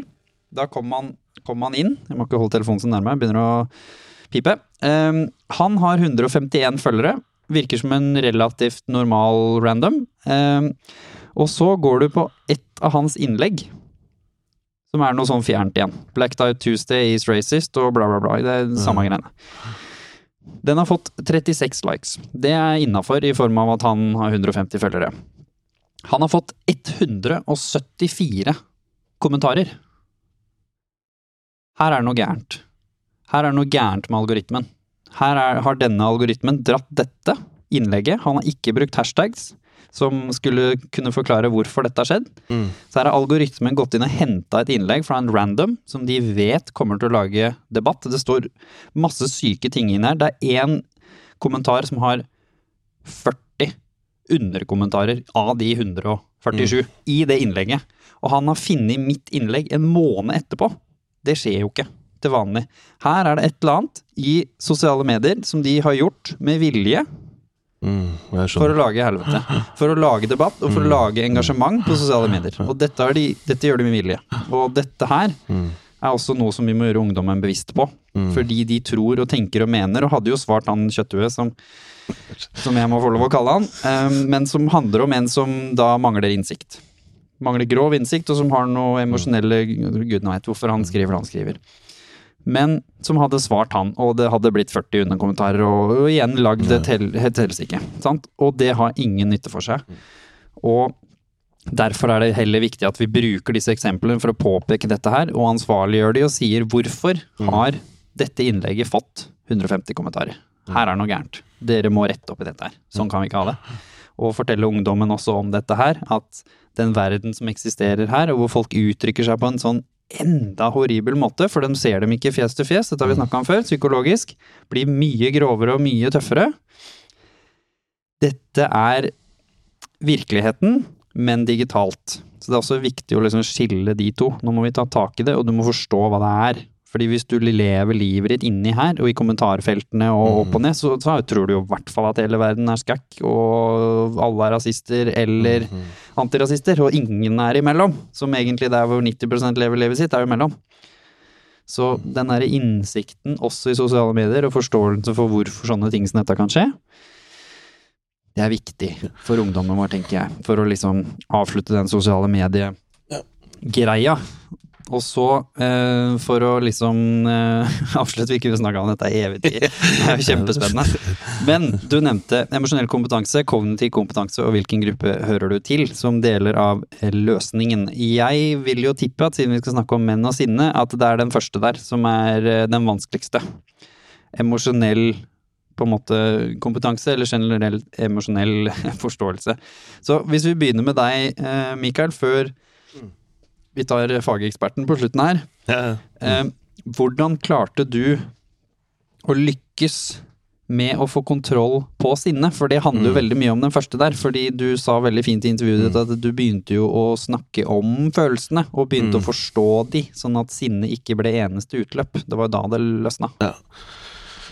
Ja, jeg Når jeg var midt oppi det, i den uh, sinnebobla, kan jeg kalle det det, var jo voldsutøver til de grader. eh, og man ser jo ikke ting selv, ikke sant. Man, man lever i den verden og har sine tro og ideologier i forhold til den verden, da.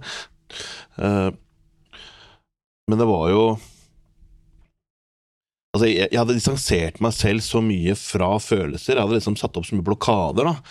uh, med ting jeg hadde opplevd og ikke kjenne på. For det, jeg tror det ofte er sånn at det som er ondt, det vil man ikke heller kjenne på. Altså det, det, det sier seg selv, egentlig.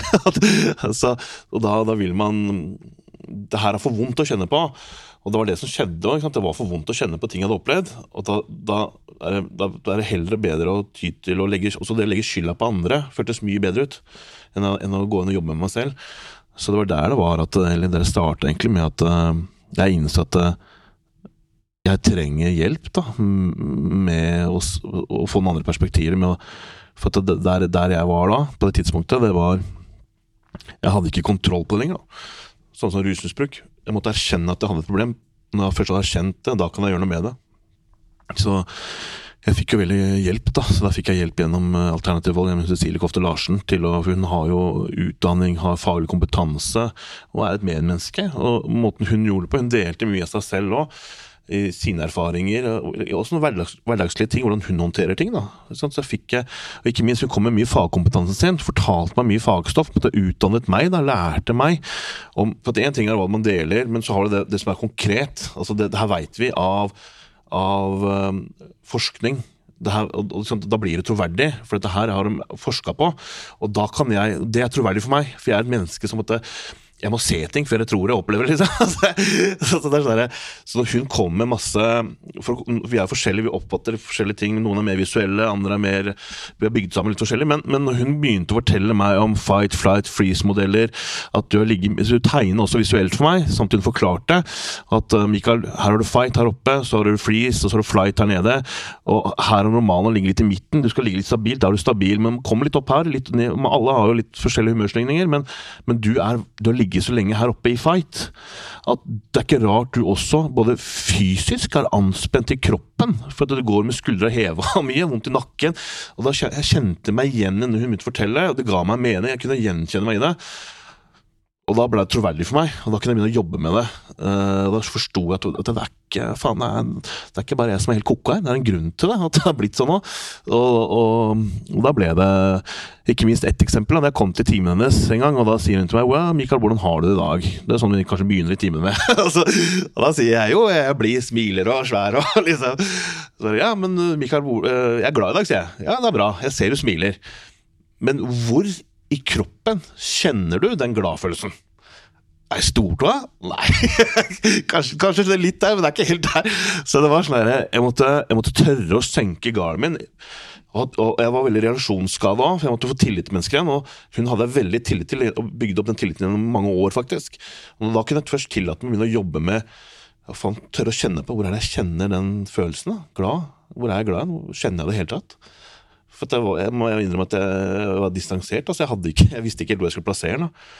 Og så etter, Jo mer vi holdt på sånne øvelser, og sånne ting, jo mer begynte jeg å skjønne at nå, kjenner jeg faktisk at jeg, jeg, jeg, ser kroppen Jeg begynte å se ting. Ja, nå får jeg gåsehud. Jeg kjenner i armen. Jeg kunne sette ting på plass. da. Så det var, det, det var sånn det begynte å avlære. Jeg måtte avlære voldsmønsteret mitt. da. Uh, men så var det hvilket tema inne på i stad, faktisk. Det var at uh, jeg måtte også erkjenne, og det var litt tøft, at jeg er den jeg er nå. At uh, det her sitter kanskje resten av livet. Hvis ikke det Altså, det, det gjør det. Alle de tingene opplevd. Men, men, men jeg, kan leve, jeg, kan lære meg å leve med det på min måte. Med verktøy som jeg får. Og det er det jeg gjør den dag. Jeg kan fremdeles den dag i dag kjenne på rusug. Noe så jævlig. Men jeg, jeg veit konsekvensen av det. Hvis jeg ruser meg, så veit jeg Da fucker jeg opp hele i to uker nesten i forveien med avtaler. Eh, økonomisk. Ikke minst kroppen min blir mer sliten. Altså, jeg, jeg, har vært der. Jeg har vært der så jævlig, jeg har vært nede på dypet der, og det er ikke noe godt. Så at konsekvensen av den handlingen, da, den er såpass Den sitter så sterkere i meg at det, det frister ikke lenger. Og sånn var det med vold nå.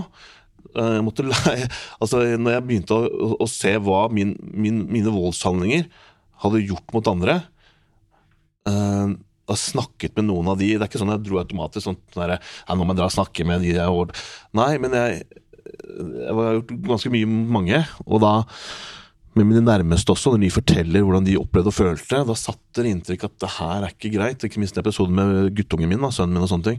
Så jeg måtte avlæres da, måtte avlæres der, på en måte. Og så, og så lære noe positivt igjen, da. Altså, for det, det, volden ga en effekt, men så lærte jeg meg hvordan andre måter å håndtere på. Og det var sterkere igjen jeg lærte hvordan jeg kunne, Det var mer mestring i det å, å kunne snakke seg ut av en situasjon, istedenfor å bruke fysisk vold, eller psykisk vold. da. Men det faktisk å stå for det og håndtere den uten å bruke vold, den, satt, den var mye sterkere enn Det var nesten sånn en annen type rus, men mye bedre. Så, så det å bruke ord og være mer trygg på meg sjøl, det var veldig viktig. å ikke få, ikke minst få vite hvem jeg er, hva jeg sto for, identiteten min, da, den følelsen. Så at jeg, og så lærte jeg mye om det og at, uh, å sette grenser for meg selv, da, ikke minst. At, uh, men det kommer situasjoner, dagligdags, hverdagslige situasjoner en dag i dag. Tro meg, der tanken kommer Fy faen, jeg har lyst til å knuse trynet på altså, Det dukker opp ting, da. Men, det, men det, i motsetning til tidligere, så forblir det med den tanken. Og det er det som er så deilig. Jeg syns det er så forfriskende at du sier det siste, ikke sant. Mm. Fordi vi kan også lure ungdommen til å tro at bare fordi man har gått gjennom en sånn helende prosess, så er det over. Mm. Og hvis de da får den tanken eller impulsen 'åh, jeg har lyst til å dra deg i Mm. ansiktet', 'å, jeg har mislykkes', for det er jo ikke sånn det er. Vi må fortelle hele spekteret av det vil si å være menneske av vanskelige følelser. Mm. Det er bare at du kontrollerer det bedre nå. Men de impulsene er urgamle, de vil sitte i oss. Det er veldig Ja, for det toucher på den derre Du sa 'jeg er ikke helt ko-ko', ja, ja. ikke sant? Den også er viktig. Emosjonelt. Fordi hvor viktig er det å, å forstå at den destruktive stien du har vært på, eller gått helt inn i, sånn som med, deg, Mikael, at det er vanlig? Hvor viktig er det å forstå det først, for å klare å snu den? Det er ikke jeg som problemet nødvendigvis, alt ligger ikke hos meg, og da åpner du døra, det er mulig å gjøre noe med det. Fordi det er jo det du sitter og tror. Jeg er problemet, dette er eneste løsning. Vold er nå livet mitt. Takk for meg, se se jeg dør eller ikke dør. Ikke sant? Hvor, hvor viktig er det å, å kjenne på den kognitivt for å i det hele tatt ha sjans til å klare å ta neste steg? Jeg tenker det er en av de viktigste forutsetningene, rett og slett, både emosjonelt og kognitivt, å vite at dette skjer med mennesker, dette skjer med Mm. oss, og oftere med menn, som sagt. Samtidig så er det tveget akkurat det der også, det arbeidet når jeg jobber med ungdommer som har problemer med rus og, og vold. Så er det også tilfeller, for det handler jo selvfølgelig om individet også, hva slags um, utrustning de har, og erfaringen de har, og hvem de har blitt gjennom tiden, er at man kan lene seg litt på den der. Og fjerne skammen. Og si at ja, ja, men dette er vanlig, det er ikke noe Nå blir jeg Så det er komplekst, men som regel så er det viktig at man ikke føler seg alene i sin skam. Mm. Jeg skal ikke si at man ikke skal skamme seg, for skam har en funksjon. Det skal du kjenne. Når du slår ned noen ned, så skal du kjenne på skam også. Samtidig å vite at skam Jeg tenker alt av følelser, da, har sin plass. De er viktige, de er helt nødvendige. Det er bare hvor mye skal du være alene med de såkalte negative følelsene? Hvor mye skal du sitte som femåring, 15-åring, 25-åring, 55-åring alene med disse opplevelsene? Det er det som er giftig. Det at du opplever disse tingene. Det at du kjenner på skam, skyld, raseri, du har lyst til å ødelegge verden. Det har sin plass. Men skal du sitte alene med det? Og vårt svar, direkte og indirekte i dagens samfunn, ja, du skal takle det selv. Du skal tåle det selv. Så fins det motstemmer. Kanskje vi tre representerer det nå, da. Men hovedfokuset til kulturen vår er du skal takle det selv. Eh, og en annen ting i dette er at våre budskap i dette rommet kan også dessverre bli kidnappet av mainstream og tenke, selge en sånn idyllisk historie om at ja, Mikael kom seg ut der, bare du gjør sånn og sånn og sånn, så kommer du ut og så er du ferdig. Det må vi også motstå, den fristelsen at livet er smertefullt. Det kommer alltid til å ha smertefulle sider ved seg. Del det smertefulle med andre mennesker. Og det må læres. Du kan ikke bare si det til folk. Folk må oppleve at vi lever i en kultur som tillater det, og altfor ofte så opplever vi at vår kultur er blitt ekstremt navlebeskuende, og så vil det alltid komme motstemmer og si ja, men er det ikke uh, Se på Ari Behn, det som skjedde der, og vi snakker Nei, vet du hva, vi lager en veldig idealisert, vakker bilde av hva det vil si å gå gjennom smerte. For sånn er det ikke. Det er jo en av hovedgrunnene til at eh, det er så viktig med det rollemodellarbeidet som, som vi gjør. Og vi har jo vi har Mikael, vi har jo Christian, vi har en hel haug med folk som på en måte har lignende typer historier som, som Mikael og Sufi og andre. Og noe av det viktigste hos oss er å fortelle hele historien. Dette er ikke kort format, dette er ikke ett minutt, dette er ikke tre minutt. Vi har ett og tre minutter også, men de er spesiallaget for å trekke deg inn i den fulle versjonen. Og de er ekte. De forteller de tinga som du fortalte så fint i stad. De tinga du vanligvis holder deg inne, for du tenker jeg kan ikke si det at jeg har lyst til å nikke til ungen min. Altså babyen min. Jeg sa, det på, jeg sa det på et foredrag foran barnevernet en gang. jeg har sett salen der bare Ja, og jeg hadde lyst til å nikke til ungen, og de bare liksom. Men jeg gjorde det ikke. Rolig, rolig. rolig, rolig vent, ikke kom hjem til meg ennå. Jo, men det Ikke sant? Å fortelle, som vi sier nå. Begge sier. Ikke sant? Jeg er ikke ko-ko. Det er vanlig at du fortsatt tar det etterpå. Og, som du sa så fint, som er liksom en av de store lessons i mitt liv Vold, rus, escapes fra tunge emosjonelle følelser er, wait for it, den enkle veien ut. Det er den svake veien ut. Det betyr ikke at det er noe galt i det, men hvis du skal være tøff som mann, Ja. Velkommen til den virkelige verden. Da skal du dele følelsene dine og håndtere de, for det er det som er tøft. Fordi det er det som er vanskelig. Det å utøve vold, ruse seg, gjøre disse tinga. Ikke kom og fortell meg at det er vanskelig å begynne med det. Det kan være vanskelig å leve i det, som du sa. Ja, det er det. Men det er ikke vanskelig å begynne med det. Fordi det er jo det som kicker inn i hjernen først. Når noen kaller deg noe stygt, så lapper du til dem. Det er jo det du har lært siden du var liten. Men det å faktisk, som du sier, prøve å snakke med de. Og det er det som er most powerful. For de som har sett starten på Human, dokumentaren, så er jo det en mann som har sitter i fengsel for å ha drept en kone og en barn. Og han forteller en historie og har blitt banka av fattern og fortalt uh, Skjønte jo ikke hva kjærlighet var. Han bare Jeg trodde kjærlighet var uh, hvor mye juling jeg fikk. Fikk jeg mer juling, så var det kjærlighet. Mindre juling, det gikk så bra. Og så ender det opp med å drepe da to stykker, og så kommer mora til de to til fengselet og tilgir han. Helt motsatt av det han forventa. Og når han forteller om det her, så gråter han i den dokumentaren i starten, og så sier han 'Hun lærte meg hva kjærlighet var'. Og så ser du på han. Jeg hadde turt å sette livet mitt på at han kunne du sluppet ut med en gang. Han hadde aldri gjort noe gærent igjen. Fordi han fikk for helt motsatt av det han forventa. Så samme med de unga som Nahom snakka om. Slutt å si til de at du ikke skal slå. Fortell de heller hvorfor hadde du lyst til å slå, og så tar du neste. For da kommer det jo et eller annet svar, og så må du heller da begynne å forklare dem alternativet, som du sier. Hvis det ikke er et alternativ til å slå, så kommer de til å slå i morgen også. Ja, ja. Fordi da De har ikke noe alternativ. Så da må du lære dem. Og det er dette det det er litt om eh, i forhold til eh, det med volden var eh, Hva skal jeg si for noe nå i forhold til det? Det var eh, Ja, nå satt det litt stille her. Det kom så mye tanker opp i huet her i forhold til hva jeg hadde lyst til å si. Eh, men det var jo Altså, eh, ja, at, at eh, sinne er bra òg.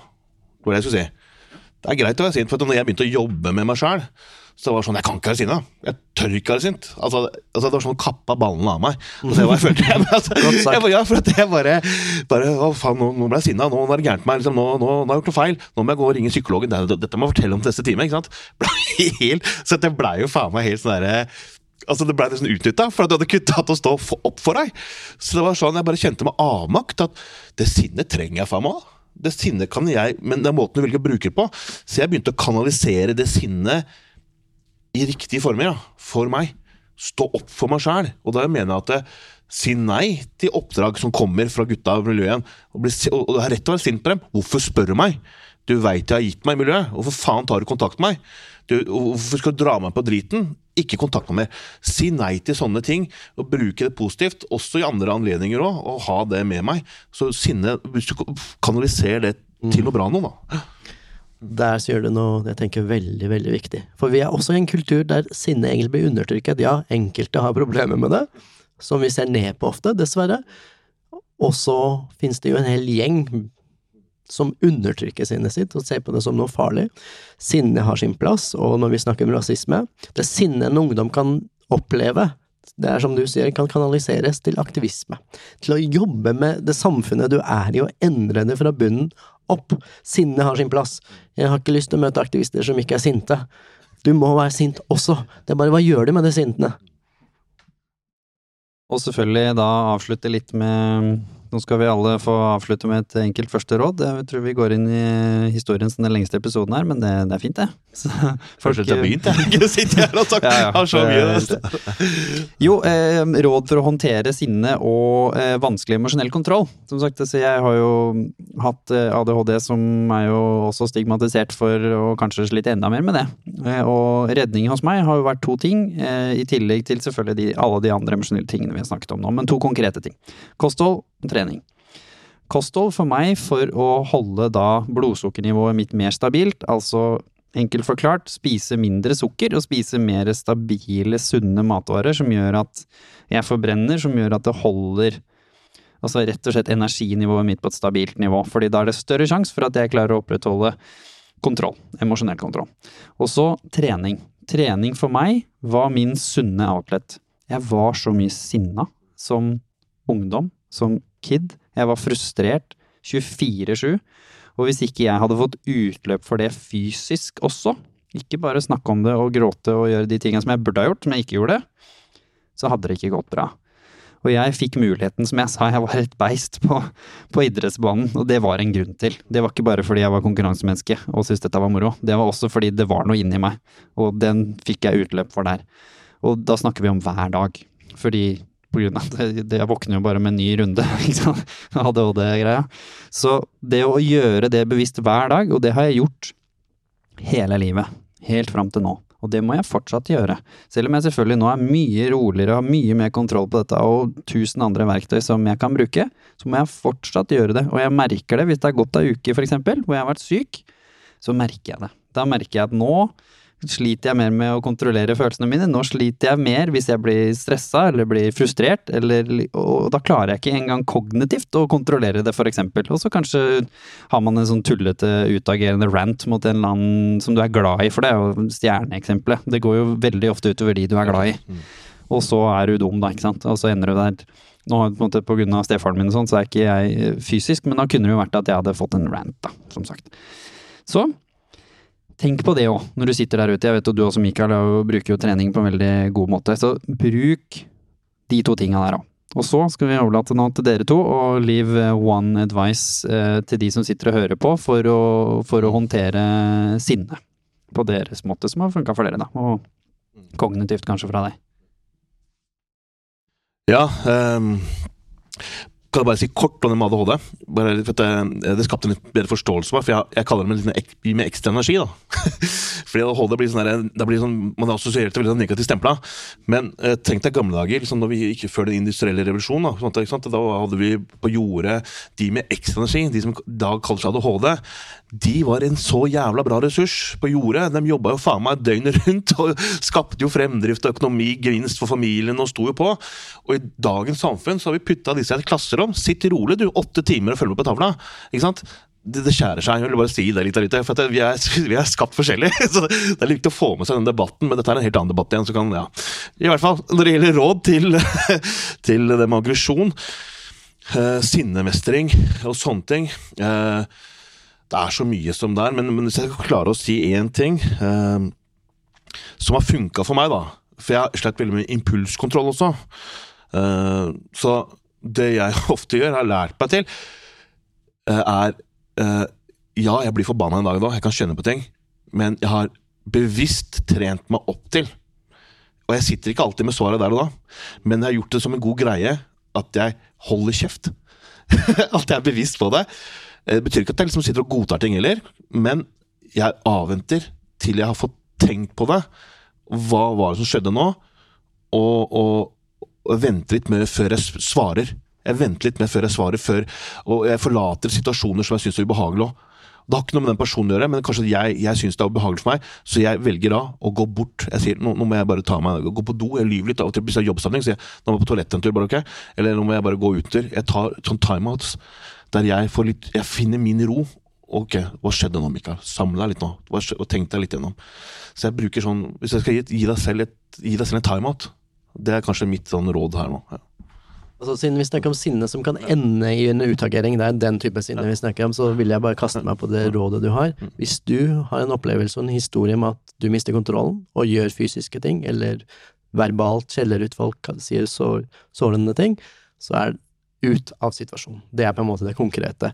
Men sinne generelt, som en følelse, tenker jeg det spennende i det for min del blir å stille seg selv spørsmålet Hvorfor er jeg sint? Fordi sinne dekker som regel over andre følelser, som skam, skyld, ikke sant. Mm. Så det er mer det liksom generelle om sinne, for det, ofte så er du ikke sint.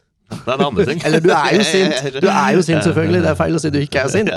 Men det ligger noe annet bak det. Still deg selv spørsmålet hva er det som gjør meg sint egentlig, hva er det som foregår? Men i situasjoner der du kan utagere, så må du slenge meg på det. Trekk deg ut av situasjonen kort eksempel her, det var bare det i forhold til med, eh, eh, med hun jeg har barn med.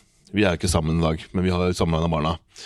Eh, og der var det mye ampert, ikke sant? så det er sikkert mange der ute også, som kan gjenkjenne seg. at det var liksom, Og der var det eh, Du kan ikke forandre andre. Du må gå deg sjæl og forandre deg. ikke sant? Det er det det greier seg om. Og jeg skjønte at jeg måtte forholde, forholde, meg på en annen måte til henne en eh, Jeg kan ikke forvente at hun skal løse den, men jeg, jeg innså at jeg var problemet her òg. At det satt mye hos meg òg. Det er vel også en sånn fin måte å avslutte på her, at hvis man, eh, og det gjelder rasisme, det gjelder sinne, det gjelder hva som helst, er at hvis du i hvert fall begynner med å endre deg selv, og begynner å tørre å utfordre deg selv og din sannhet, så tror jeg vi kommer ganske langt, faktisk. Og ikke bare akseptere ting som, som svart-hvitt, da. Jeg er utsatt og offer for rasisme, og er ikke rasist. For den, som du sa, internt i miljøet, du var like mye utsatt for rasisme som du var rasist Ja, ja. og vice versa. Ikke sant? Så det der å anerkjenne kompleksitet i verden og i mennesket og i sinnet og i følelsene, det er en veldig god start. Og så hoppe nysgjerrig inn i det og lære mer. For det er jo der hvor alt det spennende foregår, da, tenker jeg. Og hvis du har eh, dype utfordringer med dette her, selvfølgelig, så anbefaler jeg alle sammen til å søke hjelp. Snakk med noen. Begynn med noen du stoler på i nærheten, hvis du ikke er helt der hvor du tør å hoppe på en profesjonell enda. Klarer du ikke å snakke med de rundt deg, hopp rett på en profesjonell. Fordi det er en grunn til at de har den kompetansen og erfaringen de har, og de da har ikke noe connection med de i din familie og din, de rundt deg, hvis, hvis det er noe du er redd for. Og får du ikke tak i den hjelpa du føler du trenger, prøv igjen. Ikke sant? Det er også å gå all in. Ikke liksom gi opp bare fordi du føler fastlegen ikke hører på deg, men da bytter du fastlege, da. Det er faktisk det er der vi er Ja, i Norge. Det er ikke umulig. Det er mulig. Og i worst case så kan du ta på privatpsykolog. Og så får du si det har jeg ikke råd til, så får du si ja, men da får du jobbe et par ekstra skift, da så får du råd til det. Fordi det er det verdt, faktisk. Ikke sant? For det, for det er der vi er i Norge. Og går ikke det heller, så ta kontakt med, med Nav eller med hvem nå enn. Fordi til slutt så finner du en løsning, hvis du vil. Tusen hjertelig takk, gutta. Vi kunne jo snakka om dette i timevis. Ikke det. Så dere blir jo selvfølgelig tagga, så det er jo bare å sjekke, sjekke ut begge to, eh, og hva de driver med og ikke driver med, sånn eh, for, for der ute. Og så kommer Mikael sin følgehistorie også på The Human Aspect, så den er virkelig bare å, å glede seg til også, hvor man da får enda litt større innsikt i det her. Tusen takk til dere som hører på. Fortsett å sende inn hva dere vil vi skal snakke om, for dette er deres podkast. Og selvfølgelig hvem dere kanskje ønsker å ha som gjest. Og husk å dele denne episoden her, for det er det du kan gjøre i dag. Det kan hende noen i din krets, takket være den flotte algoritmen på sosiale medier, at hvis du deler den, så sender den algoritmen den til de som eventuelt skulle trenge det. Og så plutselig så er det noen som sitter og hører på dette i stillhet til ditt nettverk, som ikke nødvendigvis forteller deg det, som kanskje kan få noe ut av dette her. Tusen hjertelig.